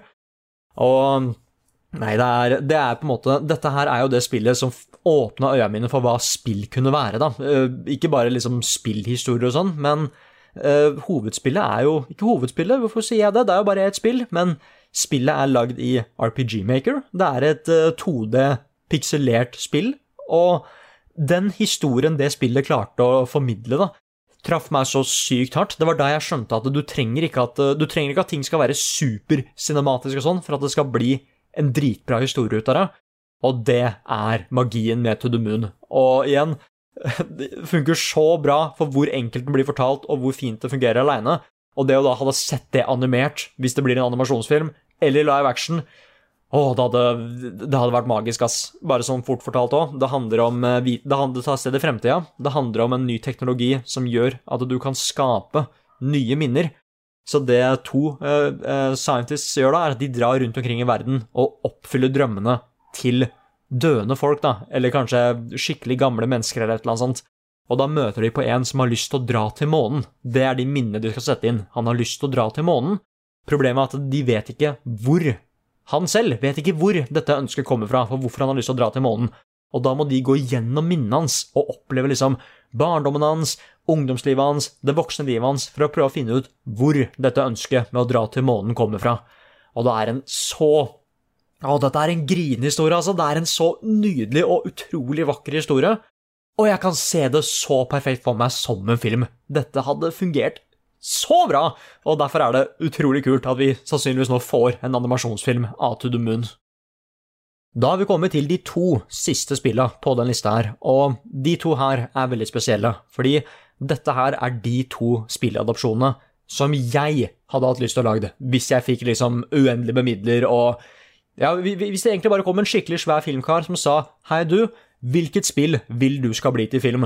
Dette her er de to som er da på toppen av min liste. Så de deler på en måte førsteplassen, men vi gjør det bare enkelt da. Fordi på andreplassen, da, ja, andre spillet på lista, andreplassen, eh, er det nyeste spillet, og det er da Before Your Eyes. Eh, jeg tror en film av Before Your Eyes, ikke en animasjonsfilm eller en serie eller noe sånt, en faktisk live action spillefilm av Before Your Eyes, jeg, jeg tror det hadde blitt så utrolig sterkt, altså. Um, Before Your handler om en person som nettopp har dødd og kommet til The Afterlife, og da skal han bli dømt for hvor han skal havne etterpå. da. Skal han liksom havne til uh, Ja, skal han bli reinkarnert? Skal han havne til helvete? Skal han havne til himmelen? liksom? Han er nødt til å bli dømt, og da blir han sendt gjennom livet sitt for å finne ut om han er verdig til å nå paradis. Og grunnen til at også det heter Before Your er fordi i spillet så er uh, Du kan spille det uten, men Hovedpoenget er at du skal være kobla til et webcam, fordi når du da blunker på ekte, liksom, når du da blunker in the real world, så vil spillet skippe videre i historien. Det er derfor det heter Before Your Eyes, fordi du ser livet ditt flashe ja, before your eyes, da. Og jeg, jeg, tror kunne, jeg, tror man kunne hatt det utrolig morsomt med det konseptet, med at du er plutselig veldig kult minne, men så blunka du med en feiltagelse, så, så er du bare på et helt annet sted. Og jeg tror det også kunne vært fullstendig devastating når du hadde vært i et fint minne, du blunka, og så plutselig så er du på en utrolig mørk del av livet ditt. da. Det er, eh, det er veldig mye spenning til det. Bare når kommer vi til disse delene Åssen har denne personen dødd? Det er veldig liksom det første svære, men åssen reagerer denne personen når han kommer til disse delene som vi alle forventer skal dukke opp i livet hans, ikke sant? Liksom bare ja, eh, kjærester, begravelser og liksom Ja, jeg holdt på å si tannlegen og første skolebilde og liksom Alle de fæle tinga, men også alle de fine tinga òg, da. Ehm, det er jo bare et utrolig svært mysterium. Hvem var denne personen før han døde og kom til The Afterlife? Og jeg ehm, Det er et av de beste spillene jeg har spilt noen gang. Eh, det var uten tvil mitt Game of the Year da det ble lansert men for to år siden. Ja, ikke i fjor, holdt jeg på å si, men for to år siden. Og det er Nei, fy faen, den historien traff meg ikke bare altfor hardt, men det fikk meg til å faktisk tenke på livet og sånn etterpå. da. Den forandra meg på en måte, det spillet her. Og eh, igjen, har du spilt spillet, så er det kanskje noen deler som du tenker er litt sånn unadaptable. Vi måtte tatt noen friheter her, det må vi, men jeg har så til å spoile for, for, å si nøyaktig hva ideen min her er, så må jeg også spoile de svære tinga, så jeg kommer ikke til å gjøre det, men jeg har en veldig klar visjon da, på åssen det her kunne blitt gjort i film. Og jeg tror det hadde Igjen, dette, dette er sånn jeg tenker at det, hadde dette her stått an Fy fader, ass, det hadde treffet så mange folk. Liksom, skulle jeg lagd en Oscar-film, liksom? Dette er det jeg hadde gønna på, da. Det, jeg, tror, jeg tror alle sammen, alle som ser den filmen her, kan kjenne seg igjen i den. Så det er Before Eyes det er uten tvil den, eh, en av de to filmene jeg hadde lyst til å lage hvis jeg fikk muligheten til det. Og da har vi kommet til filmen som er på toppen av lista, men som egentlig deler førsteplassen med Before Eyes, og det er da Shadow of the Colossus. Enten en animefilm eller en live action-film av Shadow of the Colossus. Jeg tror begge to kunne fungert, men igjen, det er jeg som skal prøve å regissere det her, da går vi for live action, så klart. Jeg kan ikke animere og sånn. Og så var det det jeg sa, at hvis du, hvis du kan prøve å gjøre det til live action, så, og du har en god visjon, liksom, så prøv å få det til. Det er så mye vanskelig. Igjen, dritvanskelig. Helt sykt mye mer vanskelig å få til enn å animere det. Men jeg tror at hvis dette her hadde blitt gjort riktig, så kunne dette her blitt så bra, altså. Jeg, jeg, jeg, glemte å si hva spillet handler om. Um, Shadow of the Colossus det, er, um, det, handler om en person som Det er en fantasy-setting. Det handler om en person som heter Wonder, som drar til et forbudt land uh, med uh, liket til en jente. da. Og det er fordi at legendene sier at i dette landet så fins det et vesen som kan bringe folk tilbake til live igjen, og derfor tar han med denne jenta, derfor han skal ja, gjenopplive henne. Men vi finner også ut at eh, i dette landet så bor det også vesener som heter kolossi, eller kolossus. Helt sånne gigasvære vesener som roamer rundt omkring i dette landet. Og da får han vite at eh, hvis dette vesenet skal gjenopplive jenta, så må han beseire alle disse kolossene. Og ja, spillet er egentlig bare et svært boss rush. Det er hele spillet. Du reiser fra liksom A til Å rundt omkring på, på, dette stedet her, da, for å jakte på disse svære vesenene. Og det, det, er veldig mye som snakk om bare Igjen, det er mange punkter i spillet hvor du liksom tenker at shit, er jeg egentlig en ond person? Fordi disse, disse kolossene gjør jo ingenting. De bare går rundt omkring og nyter livet, liksom. Så skal du komme og drepe de for å gjenopplive dama di, liksom. Det er Nei, det, det stiller noen spørsmål, altså.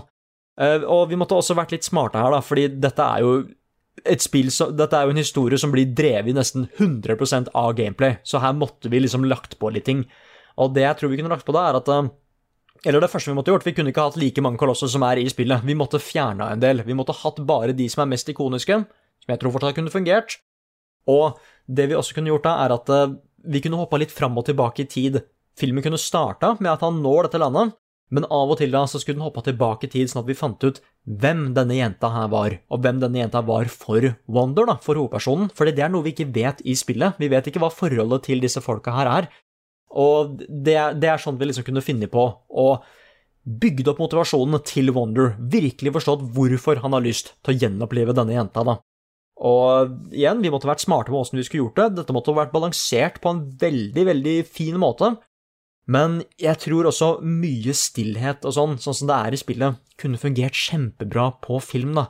En skikkelig visuelt slående film, liksom. En som rir For han er bare den eneste personen i det landet her. En som rir aleine på et gigasvært, liksom, ukjent sted, og det, det, det, skulle både vært veldig, veldig vakkert, men en, en, en veldig rolig film òg, da. Så når disse svære actionscenene dukker opp, der han skal faktisk liksom ta opp kampen mot disse gigasvære vesenene, liksom, så hadde kontrasten vært så Jeg tror det hadde fungert bra. altså Kontrasten kunne vært så kul og så effektiv. Fordi når han da var ferdig og liksom skulle reise til neste, så kunne vi enten da hatt en flashback på hvorfor han er der, med liksom jenta og sånn, og bare han kunne brukt den tiden, for han, han reiser jo med hesten sin. Han kunne blitt godt kjent med hesten sin òg, ikke sant. Hesten er jo der, og uh, Nei, igjen, det hadde vært en litt mer sånn en litt sånn, si, en litt mer artsy-fartsy film. Mange scener som ikke hadde hatt noe dialog. Det var bare Wonder som driver og rir rundt i The Forbidden Land. Men det er en sånn derre dette, dette er en utfordring, ikke sant? Det å få dette her på film. Fordi det er mange som ikke kommer til å spille det, ikke sant? men det å vise folk hva Shadow of the Colossus er, hva denne historien her er på film, jeg tror det er mulig. Og vi kunne hatt noen helt crazy kule actionscener. Og Nei, jeg Igjen, dette hadde vært en sånn en film for kanskje de mer spesielt interesserte, kanskje.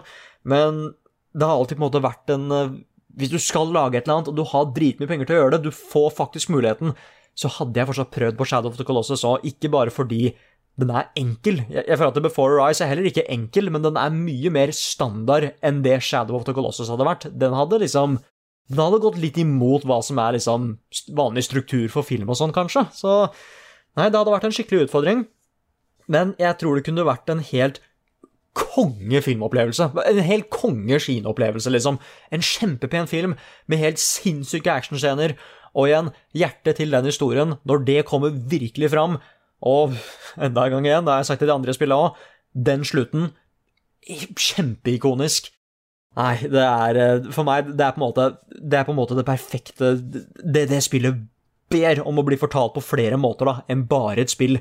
Og jeg tror en film kunne fungert. Uh, nei, så ja, uh, alle de spillene her, det, det, er ikke noe som på en måte er Det er ikke en rangering eller noe sånt, men det er på en måte det på de to siste. Det er de to filmene som jeg personlig hadde selv hatt lyst til å både sett, men også prøvd å lagd selv. Og da har vi Before Eyes og Shadow of the Colossus. Nei, det Faen, nå, nå, nå, må jeg roe meg ned. Jeg, jeg, jeg, blir, skikkelig gira. Jeg kan, jeg kan, se det så godt for meg. ass. Det hadde vært utrolig kult. Og jeg, jeg tror en animefilm hadde fungert skikkelig bra òg. En animasjonsfilm av Shadow of the Colossus. Men jeg, jeg syns utfordringen til å gjøre det på live action er mye mer spennende, da. Så ja, det, det, var egentlig det. Da har du ti spill som jeg tror kunne potensielt blitt enten gode filmer eller gode serier. Hva, har du noen ideer, så er det bare å skrive det ned. Så ja, da, da, var vi ferdig med nok en wildcard-spalte denne gangen. Sorry for at den ble så lang. Eh, kanskje jeg egentlig bare burde tatt eh, fem filmer, men jeg kom litt i sonen. Det, det, var litt gøy å prøve å finne ut av hva som hadde vært eh, gode filmer, altså. Så ja, eh, da er det egentlig bare å hoppe over til den siste delen av denne solopodkasten. Fordi, og den blir ikke akkurat noe særlig kortere, tror jeg, for det er jo da så klart hva er hennes best, hvor var fredag sist, har Carl egentlig sopp? Ukens spørsmål. Og da har vi til slutt kommet til den beste delen, ok? For dette, dette er den beste delen av podkasten for min del. For det er da ukens spørsmål. Det er uten tvil den delen jeg gleder meg mest til, for jeg elsker å svare på spørsmål. Og i dag så har vi også da fått inn, sånn som alltid, hver gang jeg har disse podkastene, dritmange spørsmål, både fra Facebook, Patron, Discord nå, og direktemeldinger fra bl.a. Twitter og Facebook og Discord and whatnot. Så her er det dritmange spørsmål. Tusen takk for at dere sender inn så mange spørsmål. Så da kan vi egentlig bare sette i gang. Eh, det er eh, som vanlig, da. Ehm, jeg kommer til å svare på over, litt sånn over 20 spørsmål, ser det ut som her. Det er en ganske beefy Q&A, sånn som det alltid er. Så tenker jeg at vi egentlig bare setter i gang. Så Det første spørsmålet er da fra Tom Erik Nesse, som spør Hei sann, Nick, og god sommer. Hvordan er en vanlig sommerdag for Nick? En dag uten jobb, altså. Og det er et uh, godt spørsmål, det er jo ferie nå.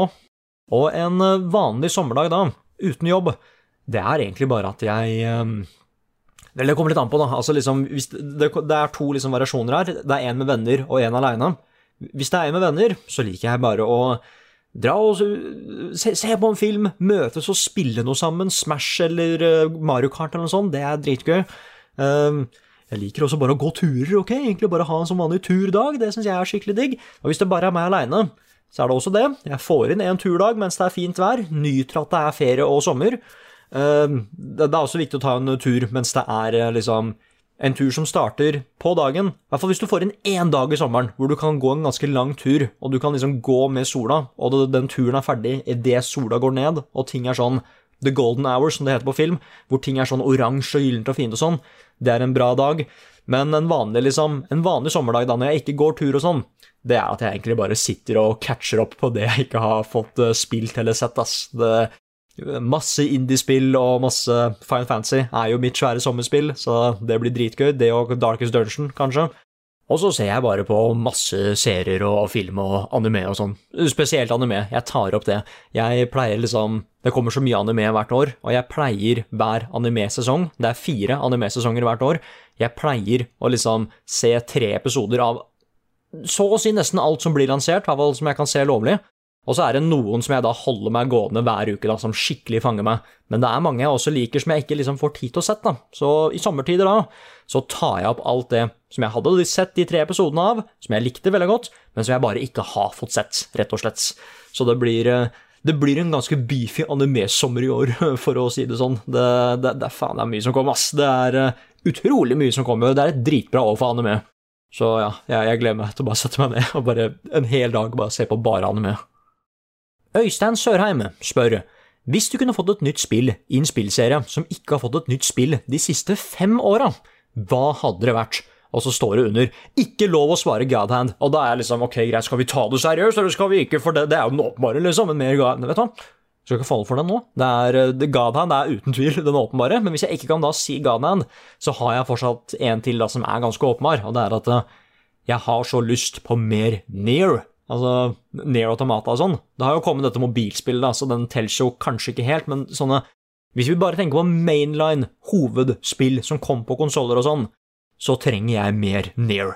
Og igjen, hvis jeg ikke får Near, hvis han gikk tilbake til Drakengard òg, det hadde vært en kongeserie, altså. Bare fordi jeg føler at verden er litt mer klar for Drakengard nå. Nå er de litt mer vant til dark fantasy. For meg måtte jeg rape, sorry! De er mer klar til dark fantasy. Um, og det er kult at det er jo der Near kommer fra. Kommer jo fra serien Drakengard. Så et nytt spill i Drakengard kunne fungert dritbra. Så ja, eh, på toppen så er det Near, men eh, veldig, veldig nærme også, så er det Drakengard. Daniel Alexander Johnsen spør Hei, spilte gjennom hele Diablo 4 uten å oppgradere health potions-kapasiteten, fordi jeg alltid lukka sånne vinduer som poppa opp. Hva, uff a meg. Hva er den største ulempen du har spilt med ved å ikke sjekke menyer, osv.?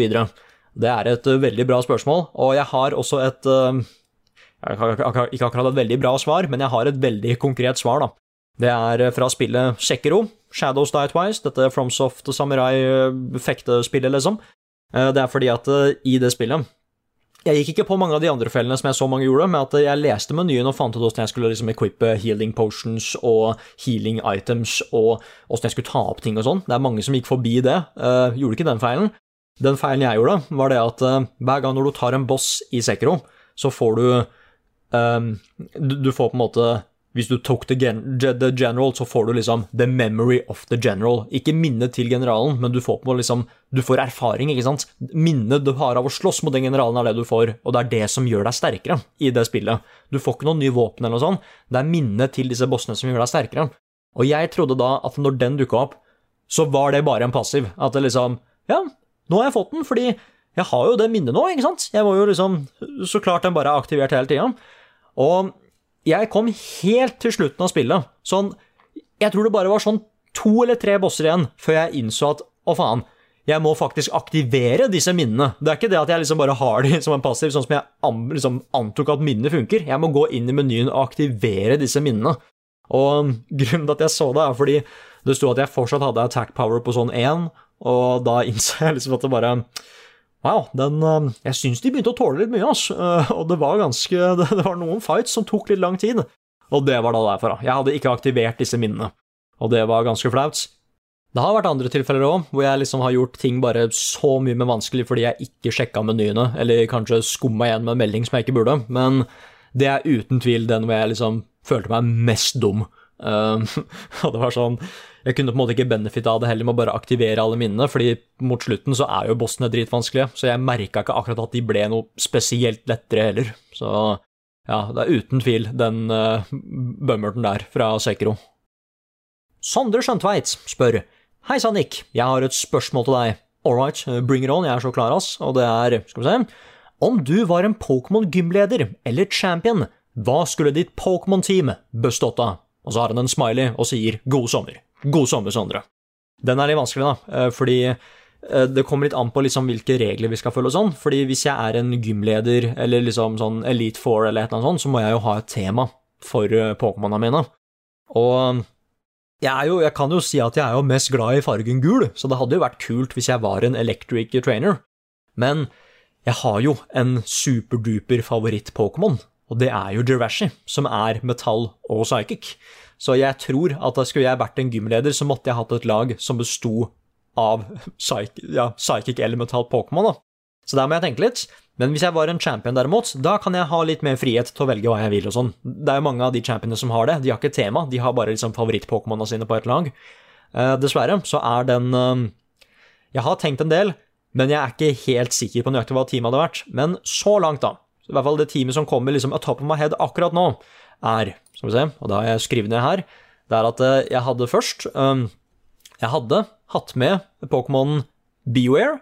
Beware den derre panda Ikke panda akkurat, men den der bjørne-pokémonen fra Sun and Moon, den har jeg tatt med. Den syns jeg er kjempefin. Den er dritskummel, men svær og kosete og sånn. Og Det er derfor jeg syns den er kul, for han er så, han er så dritsterk i Pokémon-animen. Så hadde jeg tatt med Pelipper, som er min favoritt-Pokémon-fugl. Eller Wingull er min favoritt-Pokémon-fugl. Men Pelipper er utviklingen av den, ikke sant? og jeg syns, jeg syns han er dritkul òg. En sånn svær pelikan-Pokémon. Så det er da min flyving og flyve- og vann-Pokémon, mens Beware var normal fighting.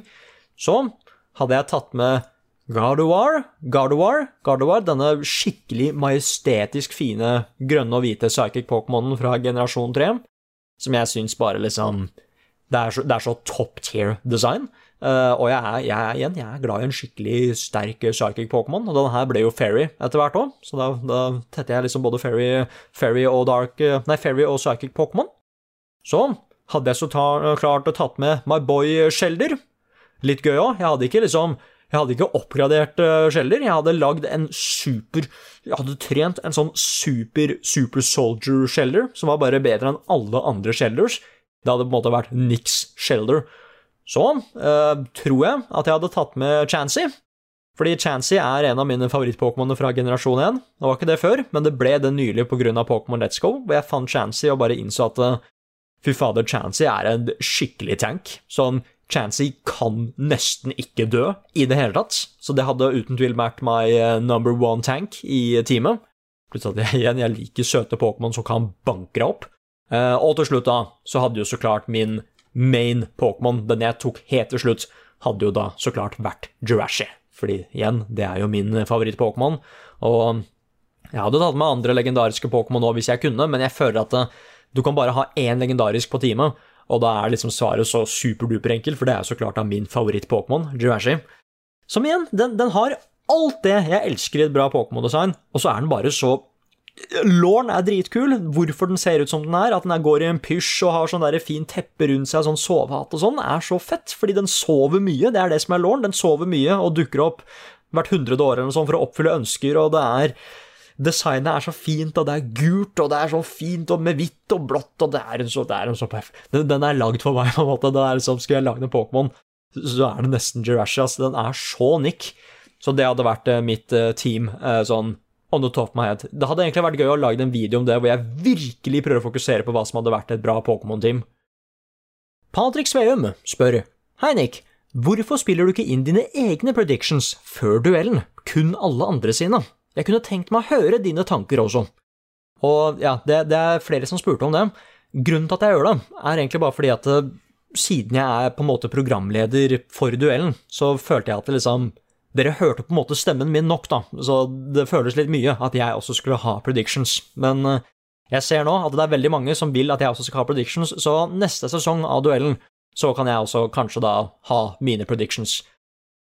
Skal vi se eh, Dette var et langt navn, men Marius André Storberg Jacobsen. Jacobsen, ja, Jacobsen spør. Hei, Nick. Håper du har en fin sommer. Du også, Marius André Storberg Jacobsen. Um, jeg lurer på, hvor er det fineste stedet du har vært? Og eventuelt, hvor er din drømmedestinasjon? Det er et bra spørsmål. Um, dessverre så har jeg ikke egentlig Jeg har ikke reist så mye, så jeg har liksom ikke noen steder som som virkelig popper, da. Og problemet er at de stedene som jeg syns er de peneste, er det kanskje også fordi det er veldig mye nostalgi i det. At jeg liksom kobler det til barndommen og sånn. Men uh, jeg syns jo det er utrolig pent på Hellerudtoppen, da. Der hvor jeg bodde liksom Der hvor jeg bodde før.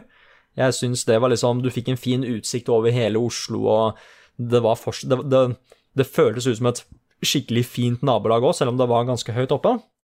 Egentlig bare hele det Tveita-området, altså før du liksom kommer inn til byen og sånn, fordi det er, det er jo butikker og sånn, og Tveita-senter og sånn er der, og, og så Trassopp skole er der, og Goliaskole, og hele det området der er så uh, Igjen, det er jo dritmye nostalgi, fordi det er jo der jeg vokste opp, men jeg syns det er en sånn perfekt balanse da, på natur og hus og nabolag og sånn. Så vet du, hva, jeg, vet du hva, jeg tror faktisk jeg må si at uh, Tveita-området og liksom Hellerudtoppen og det, det, stedet der er det peneste stedet jeg veit om. Det er liksom det fineste stedet jeg har vært. Men uh, når det kommer da til min drømmedestinasjon, det er jo liksom Jeg føler jo det går litt mer i hvor du har lyst til å reise og sånn. Uh, men det, den er litt vanskelig, for jeg har jo veldig lyst til å liksom dra til egentlig mange steder som ser litt ut som Norge, sånn som England og sånn. Skottland og Irland og liksom Der hvor liksom naturen ser helt Helt liksom usedvanlig fin ut. Altså egentlig bare New Zealand, sånn, så, sånn sett, pga. Ringens herre, men mest sånne europeiske steder og sånn. Eh, men det stedet som jeg liksom Det ene stedet hvor jeg har mest lyst til å dra pga. hvor pent det er Jeg har lyst til å dra til Japan nå, forresten. Eh, jeg er skikkelig glad i den kulturen der. Skikk, hadde vært kjempegøy å ha en ferie der med Level Up-gjengen og sånn. Men eh, det stedet hvor jeg liksom ble sånn oppriktig Jeg så et klipp fra det og ble helt mindblown av hvor pent det var, er at jeg så en video som het uh, Walking, the, Walking My Dog in uh, Switzerland, eller noe sånt. Så du så liksom disse svære, disse helt dritsvære fantasifjella i bakgrunnen, som at det, det der er ikke ekte. Det ser ut som det er dratt rett ut fra en fantasy-setting, liksom. Der har jeg lyst til å være. Så jeg, jeg, tror, det, jeg tror, det, er uh, Sveits, ja. Uh, jeg vet ikke helt åssen kulturen og sånn er der, men Sveits er så pent. Det, det ser det, det er sånn det, det, er sånn uvirkelig pent, da. Det er liksom Norge Norsk natur på steroider. Jeg syns Norge var pent før. Det har ingenting liksom, når det kommer til den naturen som var i Sveits der. Og jeg har lyst til å gå nøyaktig den turen som jeg så i videoen. Enten med Fy faen, tenk å ta en date der, liksom. Eller at jeg bare har med hundene eller en vennegjeng eller noe sånt, og bare går rundt der og er der i et par dager. Så da må jeg si det at ja, det peneste stedet jeg veit om, er eh, Hellerudtoppen slash Tveita-området og sånn. Um, og så er drømmedestinasjonen uh, Switzerland. Da har vi kommet til det som jeg har kalt for anime-delen av disse spørsmålene, fordi jeg fikk en del anime-spørsmål, og jeg må svare på det altså, fordi fy fader, elsker å prate om anime og sånn, dere har kommet til rett sted, for å si det sånn. Så det første anime-spørsmålet da er fra Bjobieb fra Discord, som spør jeg er ganske ny til anime, og ble introdusert til One Punch Man, Kaguya-sama Love is War og ikke minst My Hero Academia, som er min favoritt til nå. Hvis du har sett de, kunne du sagt litt om hva du synes om de, og hva jeg eventuelt burde sjekke ut etter dette? Eh, da kan jeg si at eh, ja, jeg har, jeg har sett alt av det der, liker det skikkelig godt. Eh, jeg datt litt ut av One Punch Man fordi sesong én var så bra som den var. Kaguya-sama er fortsatt helt top notch, og samme litt med My Hero, hvor jeg likte de første sesongene veldig, veldig godt. Men så har jeg mista litt mer interessen etter hvert, da. Det høres jo da ut som at du er veldig glad i disse typiske shonen-anime-seriene, liksom, med litt eh, god, god gammeldags action and whatnot. Jeg kan jo si den åpenbare, da, er at min favoritt eh, I hvert fall, jeg tror det fortsatt er min favoritt, men en av mine favoritter er jo Hunter x Hunter 2011-versjonen på Crunchyroll. Problemet er at eh, den er veldig, veldig kul å se hvis du har sett litt mer anime, kanskje. Litt flere shonen-aktige serier. Så derfor har jeg lyst til å si at eh, du Jeg tror du hadde likt Demon Slayer veldig, veldig godt, som er på Crunchyroll. Den ser dritbra ut. Handler om en gjeng som skal drepe demoner og sånn i sånn holdt på å si oldtidens japantid, litt usikker, men det er samuraier og sånn, og så skal de knerte demoner, og det ser helt amazing ut. Hvis det ikke er noe problem for at serien er litt gammel, så må jeg også bare anbefale Naruto, liksom. Ehm, der er det mye fillerepisoder, så gjerne liksom gå inn med en liten sånn guide for hva du skal se på, hva du ikke skal se på for å unngå filler, men det er også på Crunchyroll, både den originale og Shippuden, som eh, jeg fortsatt syns er en av de aller beste Shonen-seriene, selv om den er ganske lang. Og så igjen, de vanlige. Vinden Saga, Helt konge, Attack on Titan.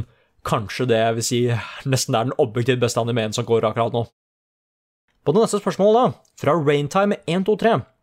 Han spør, eller hun spør, veit ikke, spør Nick, aka anime-eksperten, he-he, det er litt det, da, jeg er glad i anime, har, har sett Cyberpunk Edge Runners nå, som var helt bonkers, men er ellers veldig lite i anime-verden. Anbefalinger til ting å se på, og eventuelt nettsider. Og ja, Edge Runner, eh, Cyberpunk Edge Runners er helt the crazy bonkers. Det er en av de beste fra i fjor, syns jeg. I hvert fall anime, korte anime-serier og sånn. Da anbefaler jeg egentlig at du sjekker ut de andre tingene som er lagd fra både den samme regissøren og det studioet som lagde Edge Runners, som er Studio Trigger. Så jeg anbefaler um, en som heter Gurren Lagan. Gurren Lagan, den heter noe annet òg, men hovednavnet er Gurren Lagan, som du kan se på bakanim.tv. Og så har du så klart eh, den, Kill la Kill er eh, skikkelig bonkers, um, som du kan se på Crunchyroll. Og vet du hva, jeg kan kaste inn en sportsserie også, som er skikkelig stilig, og det er Kuruko no Basket, eller Kurukos Basketball, som jeg tror også er på Crunchyroll eller Netflix. Det neste spørsmålet er fra Sly Cooper, eh, som spør Han spør om litt, eh, han eller hun spør om litt forskjellige ting, da, eh, så jeg kan ikke kanskje svare på alt, fordi han, han eller hun spør også om liksom, hva er dine topp fem anime-serier og sånn, og nye anime-serier som er eller kan bli bra, og eh, topp fem er vanskelig å svare på nå. Jeg tror jeg har lyst til å lage en skikkelig video av det. Når det kommer til nye serier, derimot, som er eh, dritbra akkurat nå, eller i hvert fall som kommer, er eh, den nye sesongen av Jobless Reincarnation. Den er veldig, veldig kul. Oshinoko, eller My Favorite Idol, som det heter, som er en idol-anime. Men Go Started, den historien der, altså, den tar noen vendinger, for å si det sånn. Og to serier da, som jeg gleder meg veldig veldig mye til, som nå ikke er superlangt unna. Det er uh, en som heter Freerun, eller Freeren, Freerun, Beyond Journey's End, som Frida anbefalte meg å lese mangaen til for noen år siden.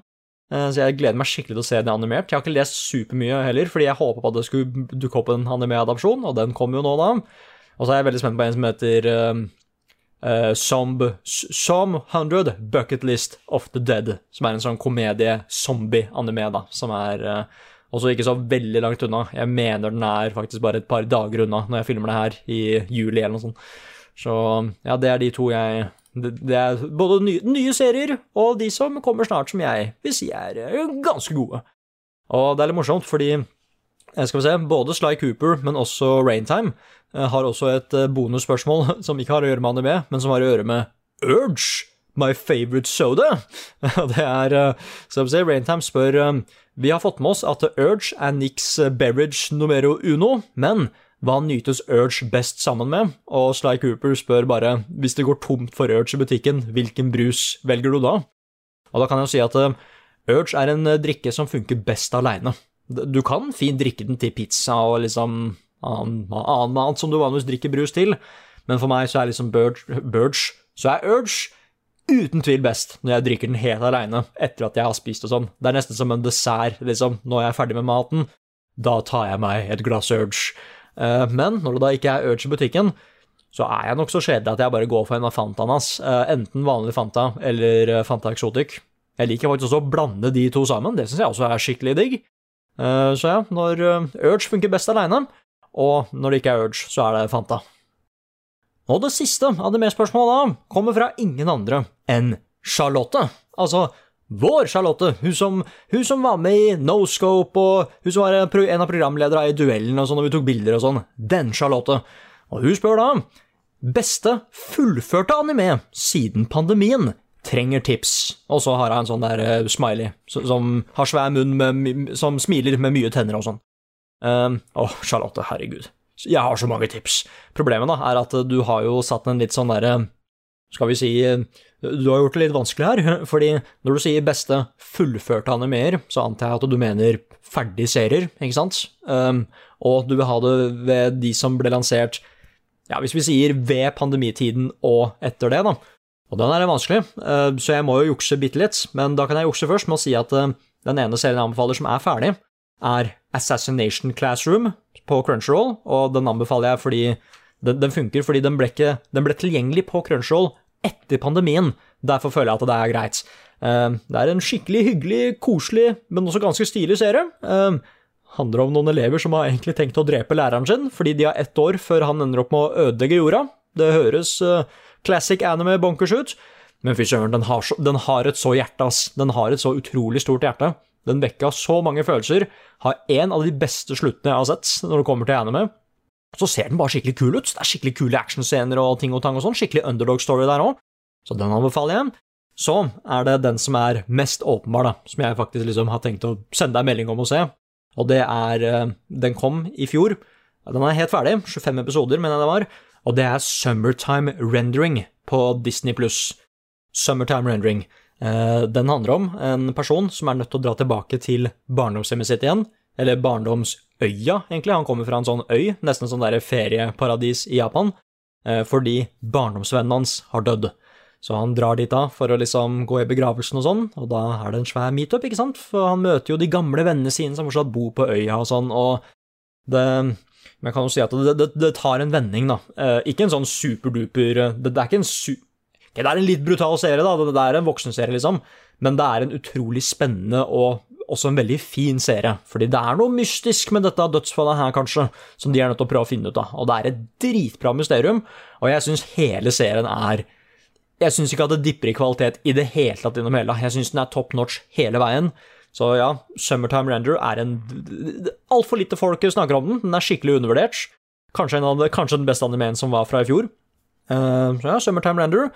Og så, selv om det er eh, litt juks, så, så må jeg også bare si et par serier som ikke er ferdig, men som jeg føler du kan fortsatt se fordi de har på en måte en closure, selv om det kommer til å dukke opp mer, da.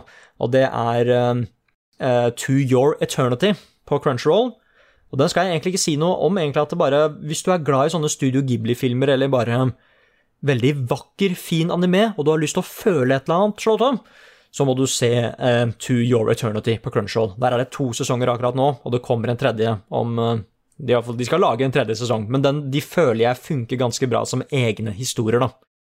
Jeg veit også at den ikke er ferdig, men fader, ass, jeg tror du hadde elska haiku, Charlotte. Det er den volleyballserien, den er kjempefin.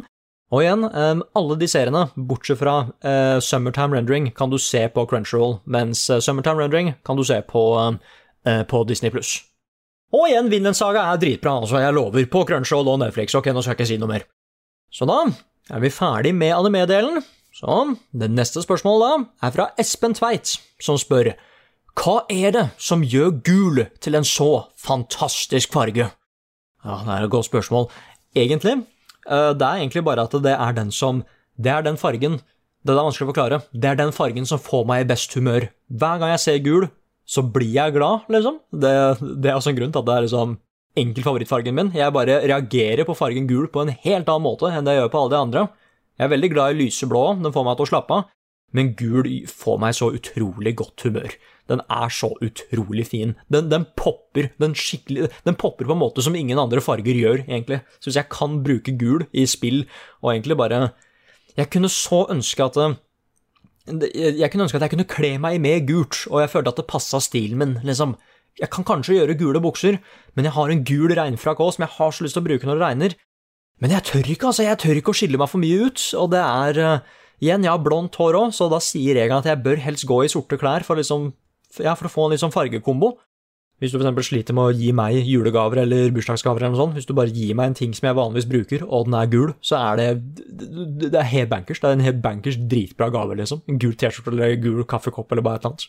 Men eh, nei, det er et svært, svært spørsmål altså, hvorfor gul er så fin. Det, det er egentlig bare Ja, det er den som får meg til å føle mest. Det er det gulfargen gjør. Og derfor så er det en så fantastisk farge.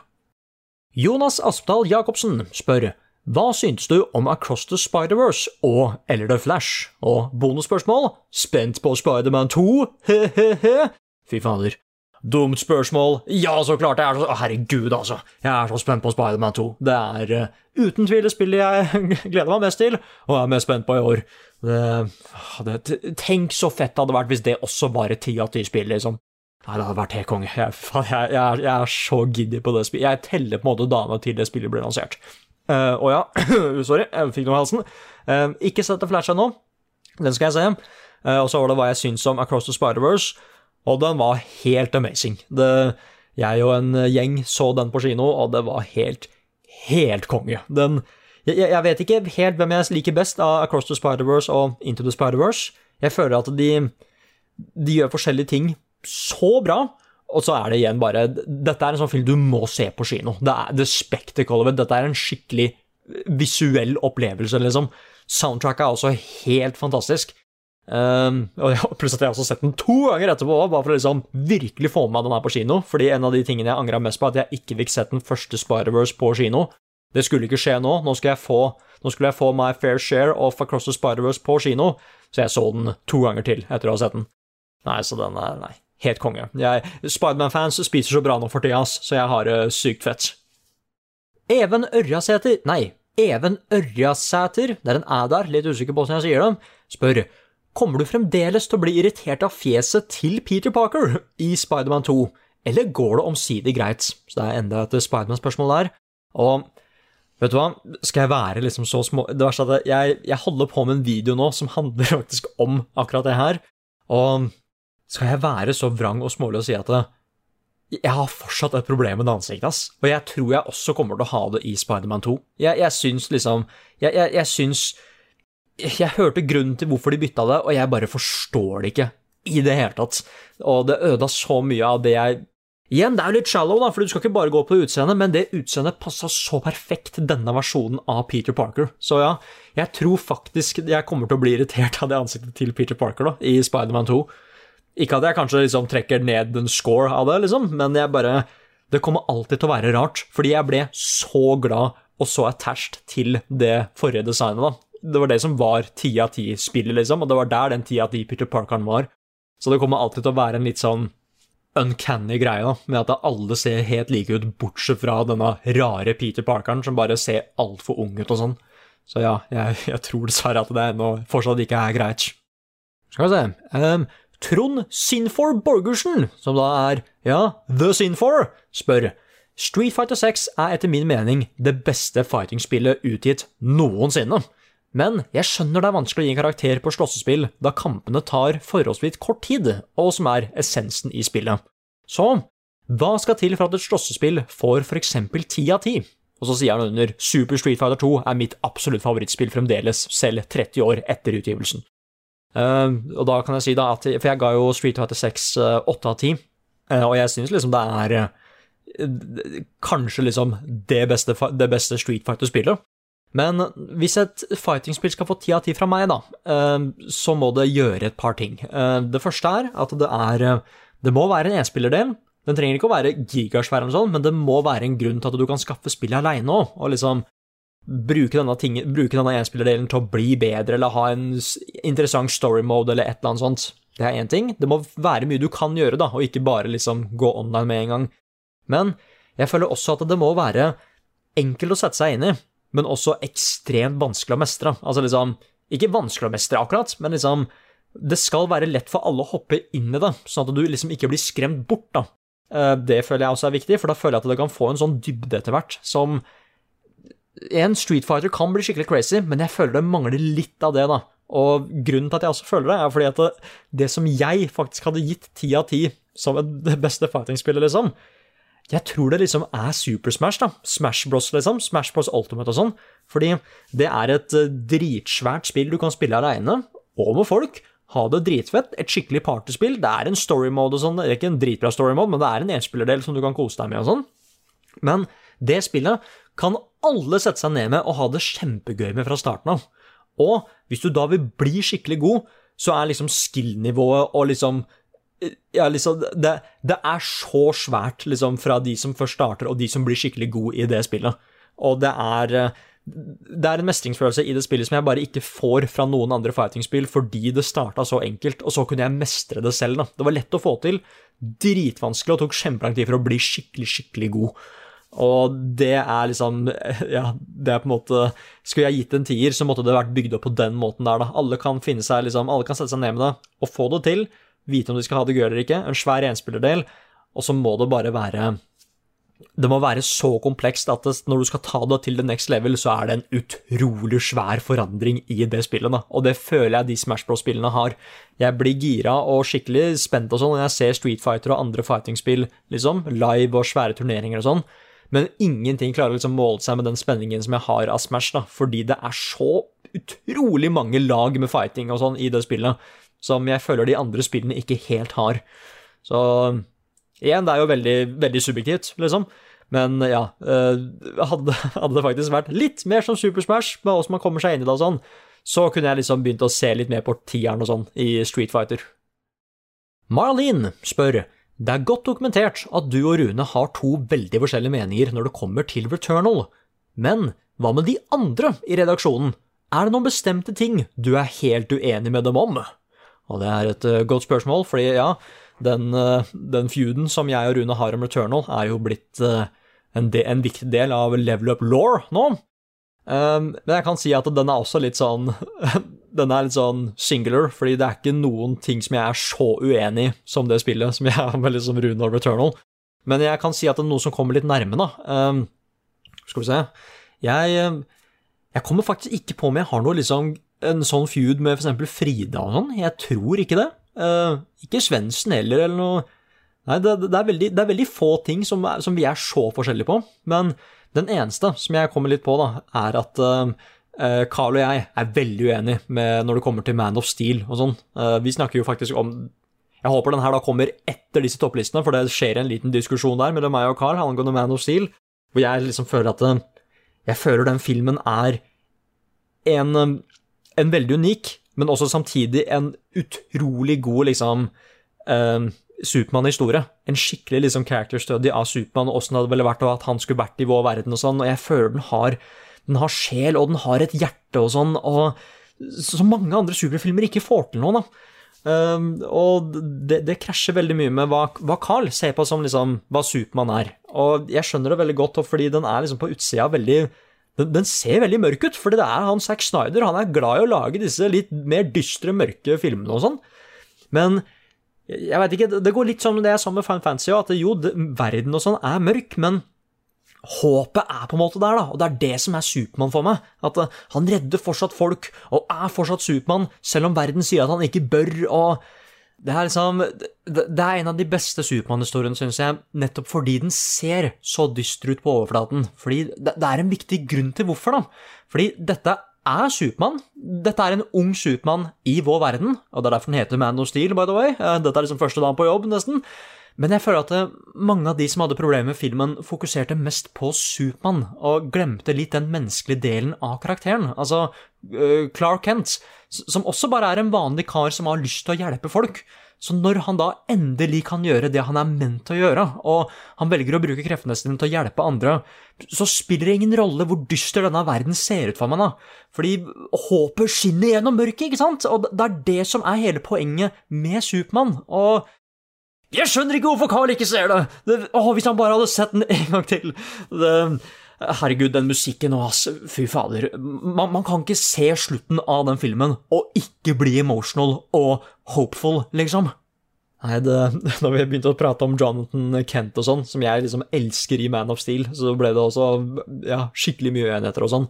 Så igjen, det er ikke returnal level sånn som jeg har med Rune og sånn, hvor vi er helt forskjellige når det kommer til hva vi syns om det spillet. I hvert fall historien til det spillet. Men jeg tror at det som er på andreplass, er nok kanskje den jeg har med Carl om eh, ja, Man of Steel, og egentlig bare den versjonen av Supermann.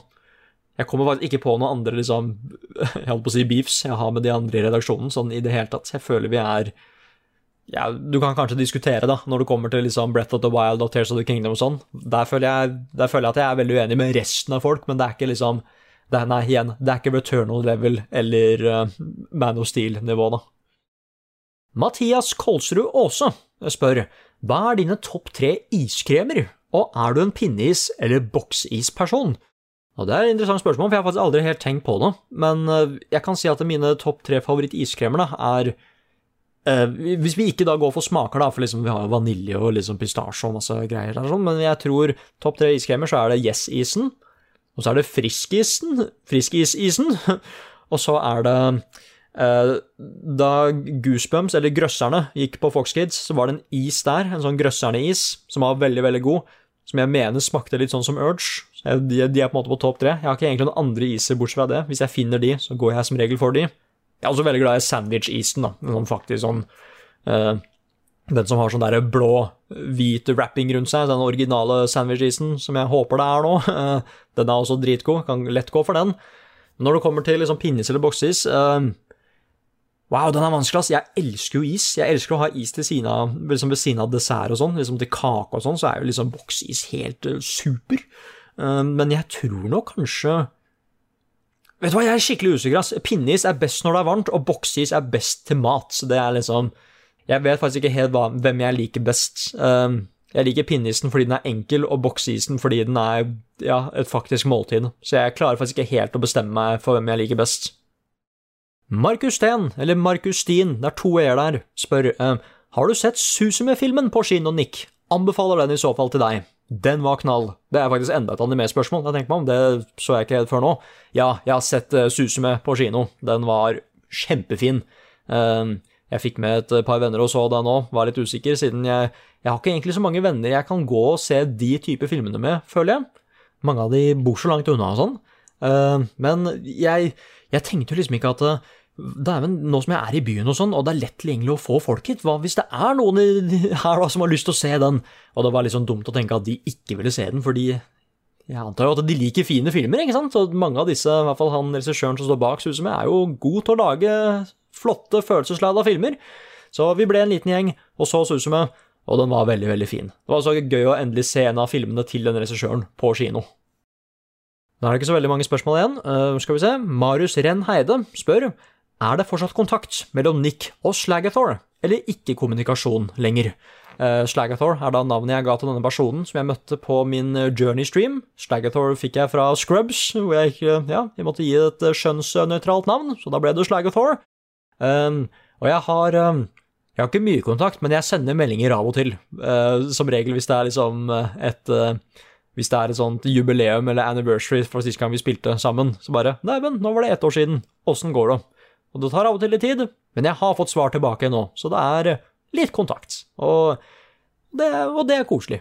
Jeg mener hun var fra Italia, eller noe sånt, og åh, hun, hun virka så søt og hyggelig, ass. Det, hun tegna liksom manga som vi fant Instagrammen og masse greier, og jeg sendte til og med linken av streamen til henne, og hun liksom, hun syntes det var kjempegøy, for hun skjønte ikke noe av hva vi sa, men hun syntes det bare var gøy fordi vi var ganske engasjerte. Så det var eh, Nei, det var skikkelig hyggelig. Jeg lurer på hva hun gjør nå. Spiller hun fortsatt Journey, liksom? Det var så helt tilfeldig. Hun ville bare spille det spillet mens jeg bare streama, fordi hun bare Ja, nå var det lenge siden sist, jeg kan la meg hoppe inn i Journey, og så bare spilte vi hele greia sammen. Så det er en av mine liksom all time spilleøyeblikk, liksom. Robert Holm spør God sommer, Nick. God sommer, Robert Holm. Um, hvis du skulle anbefalt noe spesifikt til de andre i podkasten, hva hadde det vært? Må også si at jeg tok anbefalingen din og har nå sett to episoder av Vinden Saga, og liker det veldig godt. Åh, to Å, herregud, it's about to get, uh, it's about to get good, hva sier du? Um, da kan jeg si at det er um, Det er jo noen ting, da. Altså liksom, Den åpenbare er jo f.eks. til Rune, hvor jeg føler at uh, han er nødt til å se Attack on Titan. Altså Også Vinland Saga, så klart, men Attack on Titan føler jeg liksom er uten tvil. Den serien må Rune se. Jeg vil så veldig spesifikt vite hva han syns om den serien.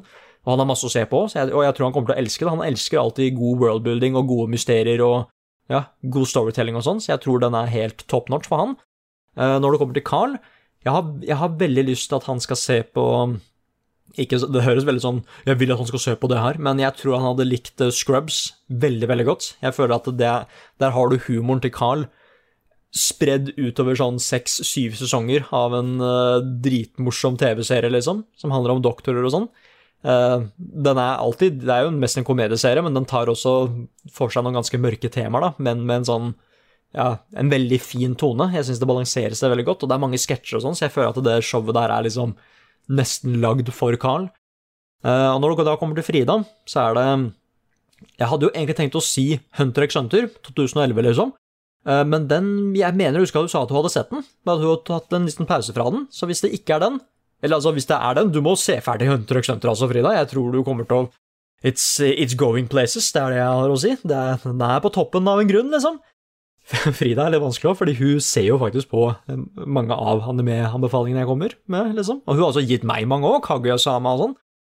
Men eh, jo, eh, hun må se Frida, du må se Du må også se To Your Eternity på Crunchyroll. Den tror jeg er Den er så vakker. Og igjen, du er, du er glad i fin musikk og sånn, og følelseslada øyeblikk, og det er en utrolig fin serie som jeg tror, jeg tror du kommer til å like den veldig, veldig godt. Og igjen, sånn som jeg sa med Charlotte Summertime Render tror jeg også du kommer til å like skikkelig, skikkelig godt. Og vet du hva, jeg sier Assassination Classroom Mod, den har jeg anbefalt før, men du kommer også til å like den, tror jeg. Der er det så mange episoder, så ja. Toasty Warden spør er det noen store spillserier du ikke har prøvd, men som du tror du hadde likt veldig godt hvis du hadde først satt deg ned med dem? Uh, ja, det er det. Uh, og jeg har jo prata om å liksom teste Hitman og sånn. Uh, jeg har spilt Hitman, da, litt sånn opp og ned her og der, men jeg har aldri gitt en skikkelig skikkelig sjanse. Så vi snakka om å liksom ha en stream av det eller et eller annet, det kunne vært kjempegøy. Men den store serien er jo Yakuza-serien. Fordi der er det at jeg har det første spillet, og har spilt det litt. Men jeg spilte det på et tidspunkt hvor jeg ikke var så god i engelsk, og litt sånn, og det var veldig historieheavy, så jeg fikk ikke med meg alt. Og jeg har hørt at den serien er liksom Jeg har hørt at den er bonkers på akkurat den riktige måten, da, og at den er veldig tydeligvis meg, veldig Nick. Så Yakuza er uten tvil den eh, serien jeg har lyst til å liksom Det er på en måte et svært prosjekt, det er å sette seg ned med den og spille det kronologisk når ting ble lansert, da. Eh, det har jeg veldig lyst til. Og jeg har kanskje lyst til å liksom gjøre det på en stream òg, med at jeg setter meg ned med det første. Og hvis jeg liker det veldig veldig godt, og folk har lyst til å liksom se det, så kan vi spille gjennom alle de spillene, da. Jeg har veldig lyst til å spille det der Yakuza Zero. Jeg har hørt liksom det er det aller beste. Uh, jeg har lyst til å liksom komme meg til det, men jeg vil komme meg til det av å spille de andre spillene først. Så ja, Yakuza er uten tvil den serien som jeg har mest lyst til å prøve, som jeg tror jeg hadde likt. Hong spør Morsomt navn. Uh, spør Hvorfor prioriterer du historien så høyt når du anmelder spill? Jeg føler du er litt vel streng noen ganger. Du nevnte også at du fortsatt har problemer med historien til Tears of the Kingdom, som nå har blitt min favoritt i Selda. Så hva føler du den burde gjort annerledes, og hva er din favoritt-Selda-historie? Eh, da kan jeg i hvert fall Den første eh, er hvorfor jeg prioriterer historien så høyt og sånn, er fordi at jeg, jeg, jeg gir den på en måte jeg har snakka om det her før, da. Eh, jeg gir den den oppmerksomheten som jeg føler den vil at jeg skal gi den. Jeg prioriterer den like mye som den gjør selv, da, på en måte. Så hvis det er et veldig historieheavy spill, og jeg ikke syns så særlig om historien, selv om gameplay er dritbra, liksom, så har det spillet feila på en ganske svær måte for meg, da. Og det er jo hele grunnen til hvorfor Returnal Feud med meg og Rune er en ting. Hvor jeg føler at gameplayet er eh, kjempebra, skikkelig tight og skikkelig tilfredsstillende men det er også veldig fokus på historien. Sånn, jeg føler det er veldig tydelig fokus på den historien. Det er mange som sier at du ikke skal ha det i et Rogalight-spill, men jeg føler det er så svært fokus at det, hvis det da krasjer for meg, så, så får det spillet en ganske svær negativ hit, liksom. Og ja, så hver gang jeg ser at et spill har fokusert mye på historien sin, i hvert fall jeg føler at den gjør det, og den ikke leverer, så, så er jeg streng. En god historie kan løfte et spill så mange hakk. Det er liksom Favorittspillene mine er som regel det som gjør begge deler. Har, en, har dritbra gameplay og en dritbra historie. Jeg føler at hvis du har de to sammen, så blir det magisk, liksom. Uh, og når du da kommer til Tears of the Kingdom, og hva jeg føler den liksom kunne blitt gjort uh, annerledes og sånn, det er vel egentlig bare det at uh, jeg, jeg, liker ikke helt den historiemetoden, for det føles mer ut som at har du lyst til å få litt historie nå? Ok, ta en titt her. Gå hit. Gjør den greia der. Ehm, jeg føler at det er mer bare sånn at eh, ja, hvis du har tid, og du ikke har så mye å gjøre akkurat nå, så kan du få litt historie, bare for å finne litt ut av hva som skjer og sånn. Og jeg syns ikke det funker så bra, fordi jeg føler det nesten ikke blir noe stakes, på en måte. At det liksom Og plutselig at jeg føler at det er veldig sånn surface level, med at eh, vi får ikke Det er ikke i nærheten så mye dybde som det jeg føler det er i de andre spillene, fordi favoritthistorien min fra Selda er, eh, er Ocarina of Time sin som jeg vil si at det er mange deler av denne historien jeg ikke er så fan av heller. Det er mye, det er mye filler, liksom. Mye padding. Men hovedkonseptet med at det liksom Det er en skurk som vinner på starten, og du drar fram i tid og ser åssen han har ødelagt verden, og du ser folk liksom Gatene der hvor det var masse livlige og folk og sånn, alt er liksom ødelagt, og det er zombier, og det er bare, det er bare et helvete, liksom. Det er sånne stakes jeg elsker fra Selda. da, Sånn skikkelig fy faen, jeg, jeg, må stoppe han karen her nå, ass. Og hvis de også da liksom klarer å få til faktisk character development, og de klarer, til å gjøre meg, og de klarer liksom å gjøre meg skikkelig gira til å slåss mot den siste bossen, fordi nå skal vi faen meg ta han her, få meg til å hate bossen, liksom, det er det jeg føler, liksom Derfor likte jeg Ocarina of Time, og derfor jeg har litt problemer med Tears of the Kingdom, fordi jeg syns Ganondorf bare var en veldig sånn generisk 'jeg er slem for å være slem', therefore I am slem, liksom.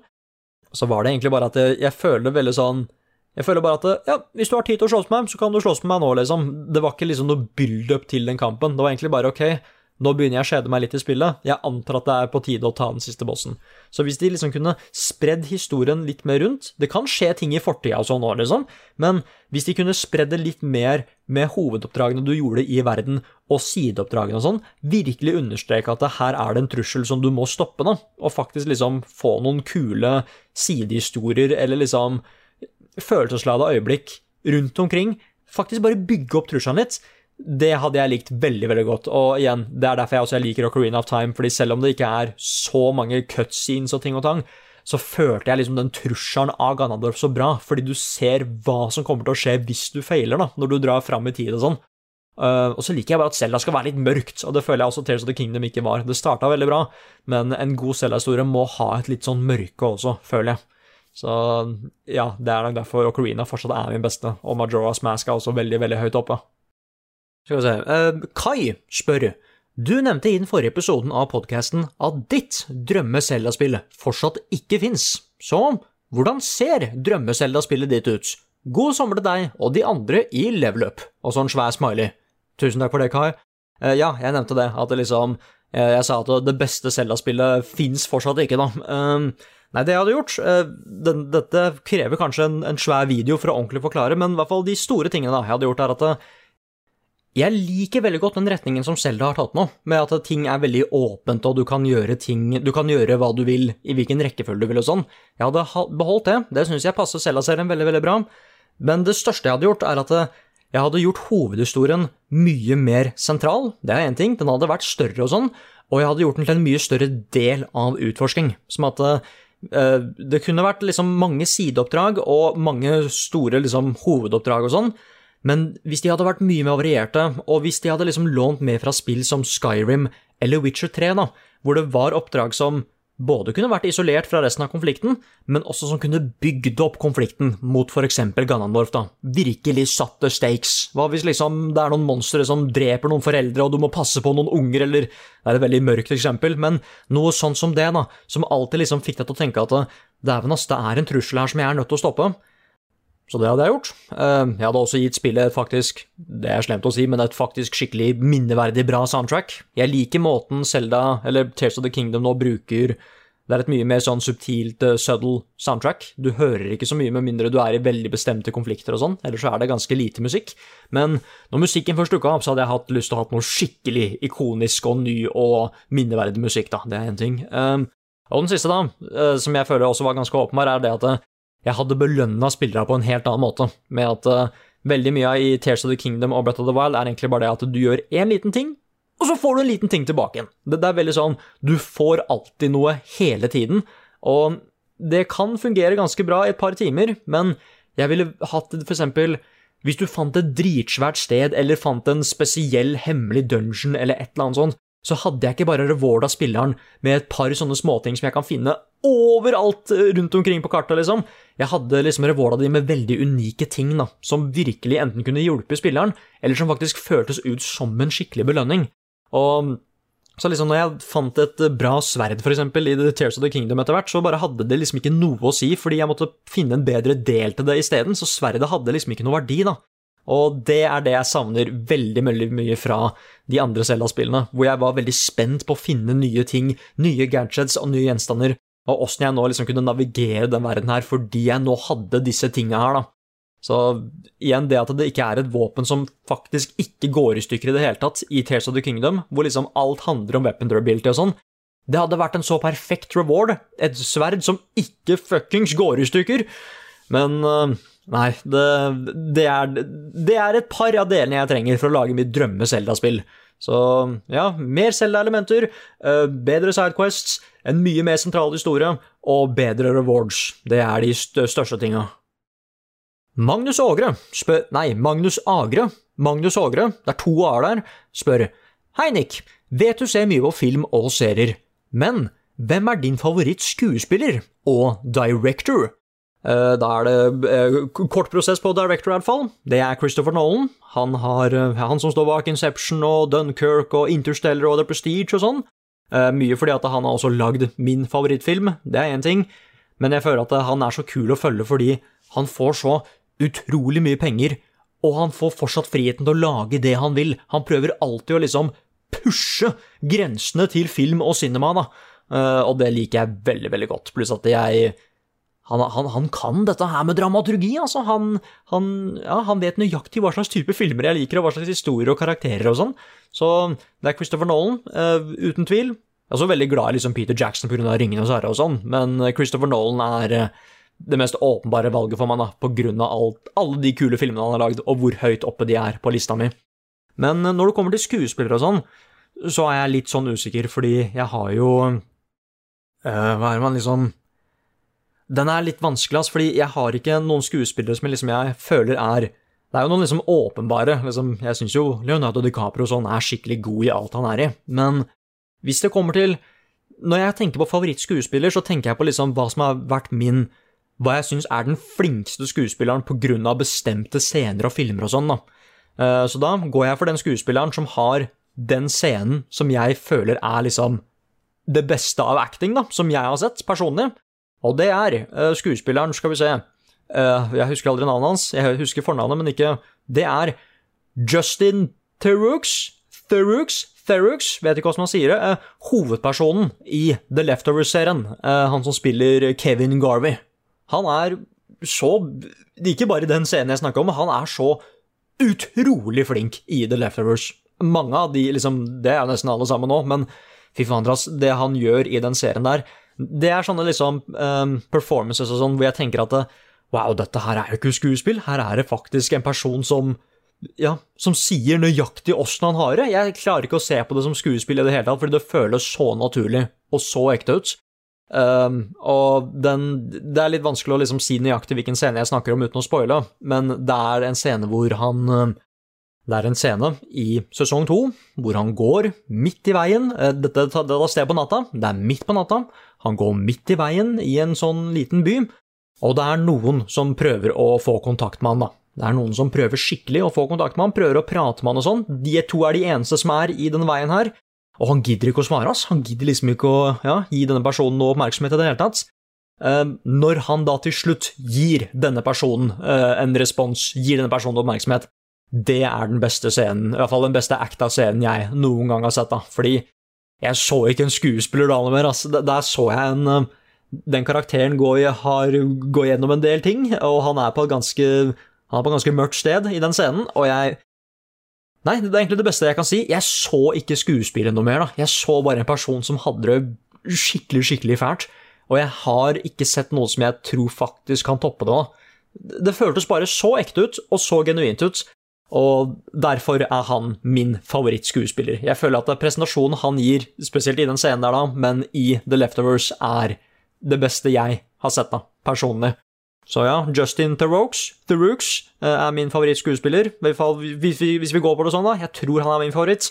Og favorittdirector er eh, Christopher Nolan. Nest siste spørsmål det er da fra Tomkar, Tom Care, som spør Halla, Nick. Drømmen din er jo å lage en film, men hvordan tema ser det ut for deg at du hadde hatt for denne filmen, og har du eventuelt begynt å jobbe med en type manus for den? Eh, ja, det har jeg. Uh, jeg har uh, Drømmen min da, er jo egentlig å lage en sånn derre jeg syns, Drømmen er å lage en norsk film, forresten. Det, det skal ikke være noe international, det er en norsk film. Men jeg syns at jeg syns norsk film er så Jeg syns norsk film ikke tør å ta nok sjanser. Det er egentlig det. Så hvis jeg skulle lagd en norsk film, så hadde det vært på grensa til noe sånn overnaturlig science fiction-greier, liksom. Og jeg har skrevet et manus. Jeg har ikke liksom, jeg har et first draft, da. Jeg har ikke skrevet et faktisk ferdig manus, men jeg har skrevet et first draft. Jeg har en historie klar, liksom, som jeg har lyst til å lage en film av. Så ja, jeg kan, kan ikke si noe mer enn det uten å spoile, det er confidential og sånn, men ja, jeg syns det, mye av det som kommer fra norsk film, syns jeg er så likt, og jeg har bare lyst til å skiller meg litt ut, egentlig. Viser bare at vi kan hoppe inn i andre sjangere òg, ikke sant. Jeg husker ikke hva den filmen heter akkurat nå for øyeblikket, og det irriterer meg, men det dukka opp en sånn multiverse-film for ikke så altfor lenge siden. En norsk multiverse-film. Og det er så steg i riktig retning, ass. Bare utforsk mye mer, bare ha noen Utforsk noen skikkelig rare eller kule eller stilige konsepter eller ideer, og prøv å lage film av det, da. Ikke bare sånne sånne hva er det det heter, slice of life-dramafilmer og sånn. Jeg, jeg vil ha mer enn det. Og sånne historiske filmer, de kan være kule, de òg. Men mer litt sånne crazy, artige konsepter og sånn vil jeg se mye mer av i norsk film, og det er akkurat det jeg har lyst til å lage selv. Og da har vi kommet til det siste spørsmålet, og det er fra Anette. Anette, eh, fy fader, nå dysleksien min gikk helt til berserk her nå.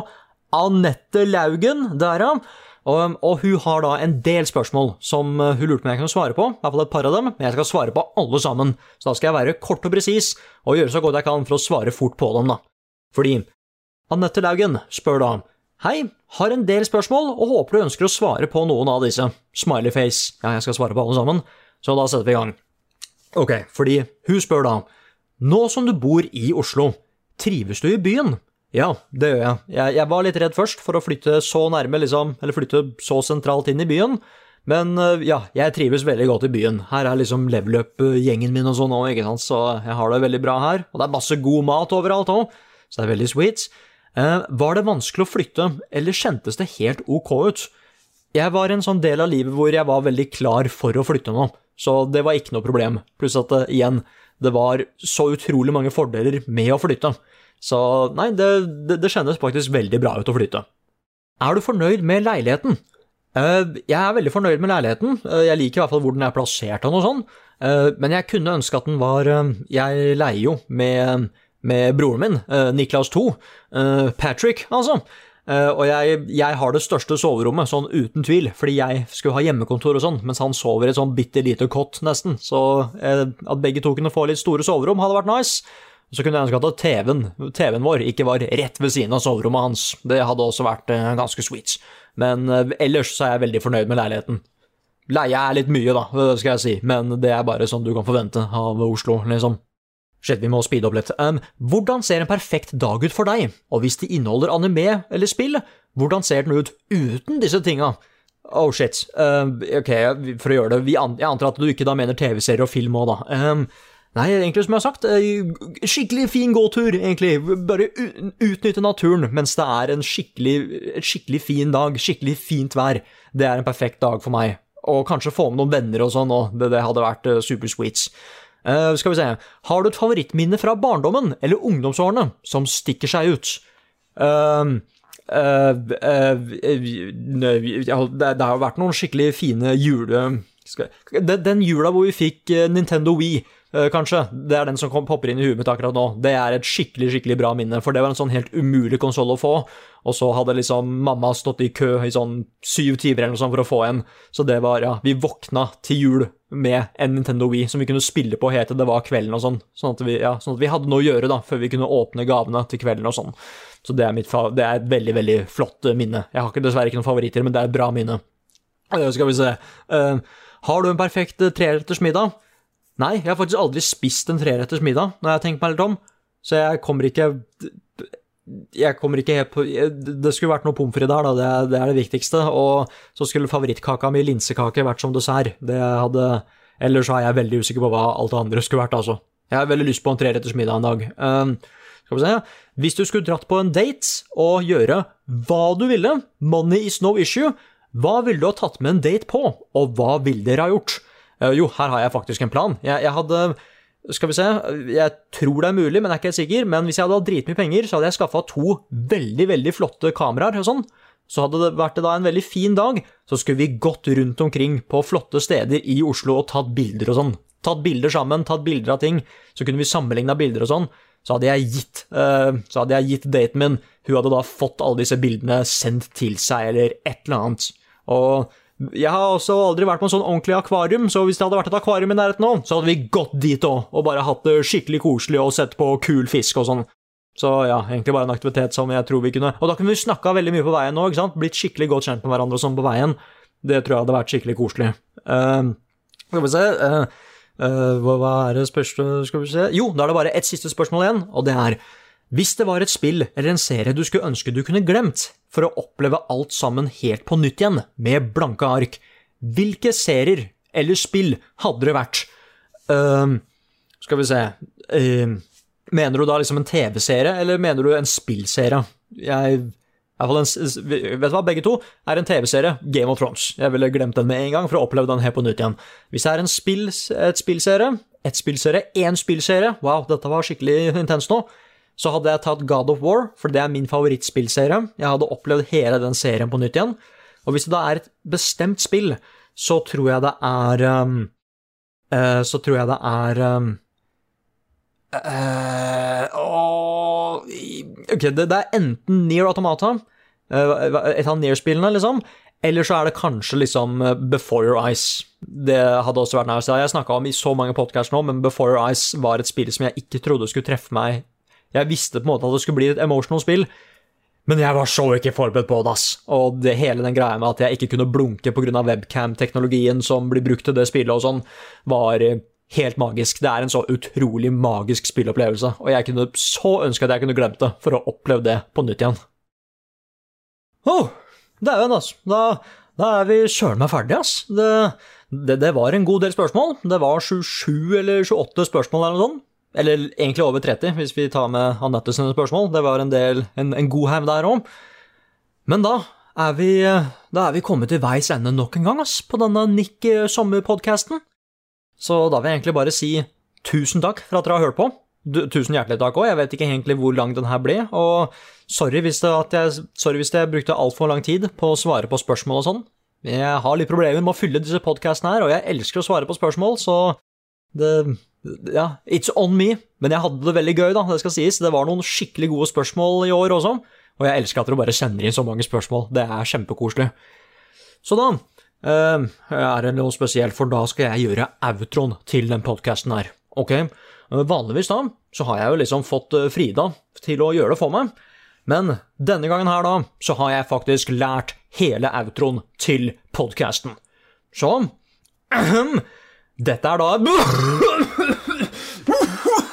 Å nei! Dette her er podkasten Level Backup, utgitt av moderne media. Låten i introen og outroen er skrevet av Ole Sønnik Larsen og arrangert og framført av Kyoshu Orkestra. Vignettene er lagd av fantastiske Martin Herfjord. Du finner mye mer innhold fra oss på youtube.com slash levelupnord og twitch.tv slash levelupnord. Og hopp gjerne innom discorden vår. Der finner du eh, invite på discord.gg slash levelupnorge. Vi har en merch-shop. Eh, levelupnorge.myspreadshop.no. Og stå oss gjerne på Patron hvis du liker det vi gjør. Vi setter ekstremt stor pris på alle dere som gjør det. Eh, Så tusen, tusen takk til alle dere som bidrar på enten Patron eller deler innholdet vårt, eller bare liker innholdet vårt. Så ja, dere er bra folk, hele gjengen. Oh yes. Det er dere, ja. Og med det så sier jeg tusen takk for denne gangen her, og så snakkes vi igjen neste uke.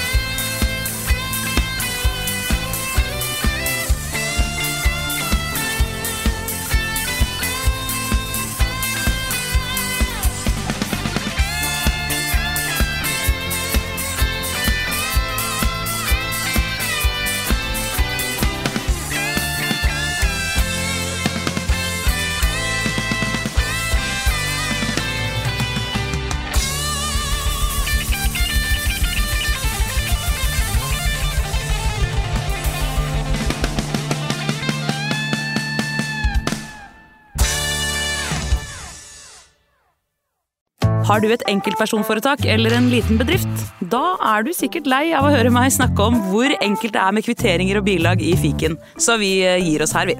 Fordi vi liker enkelt. Fiken superenkelt regnskap.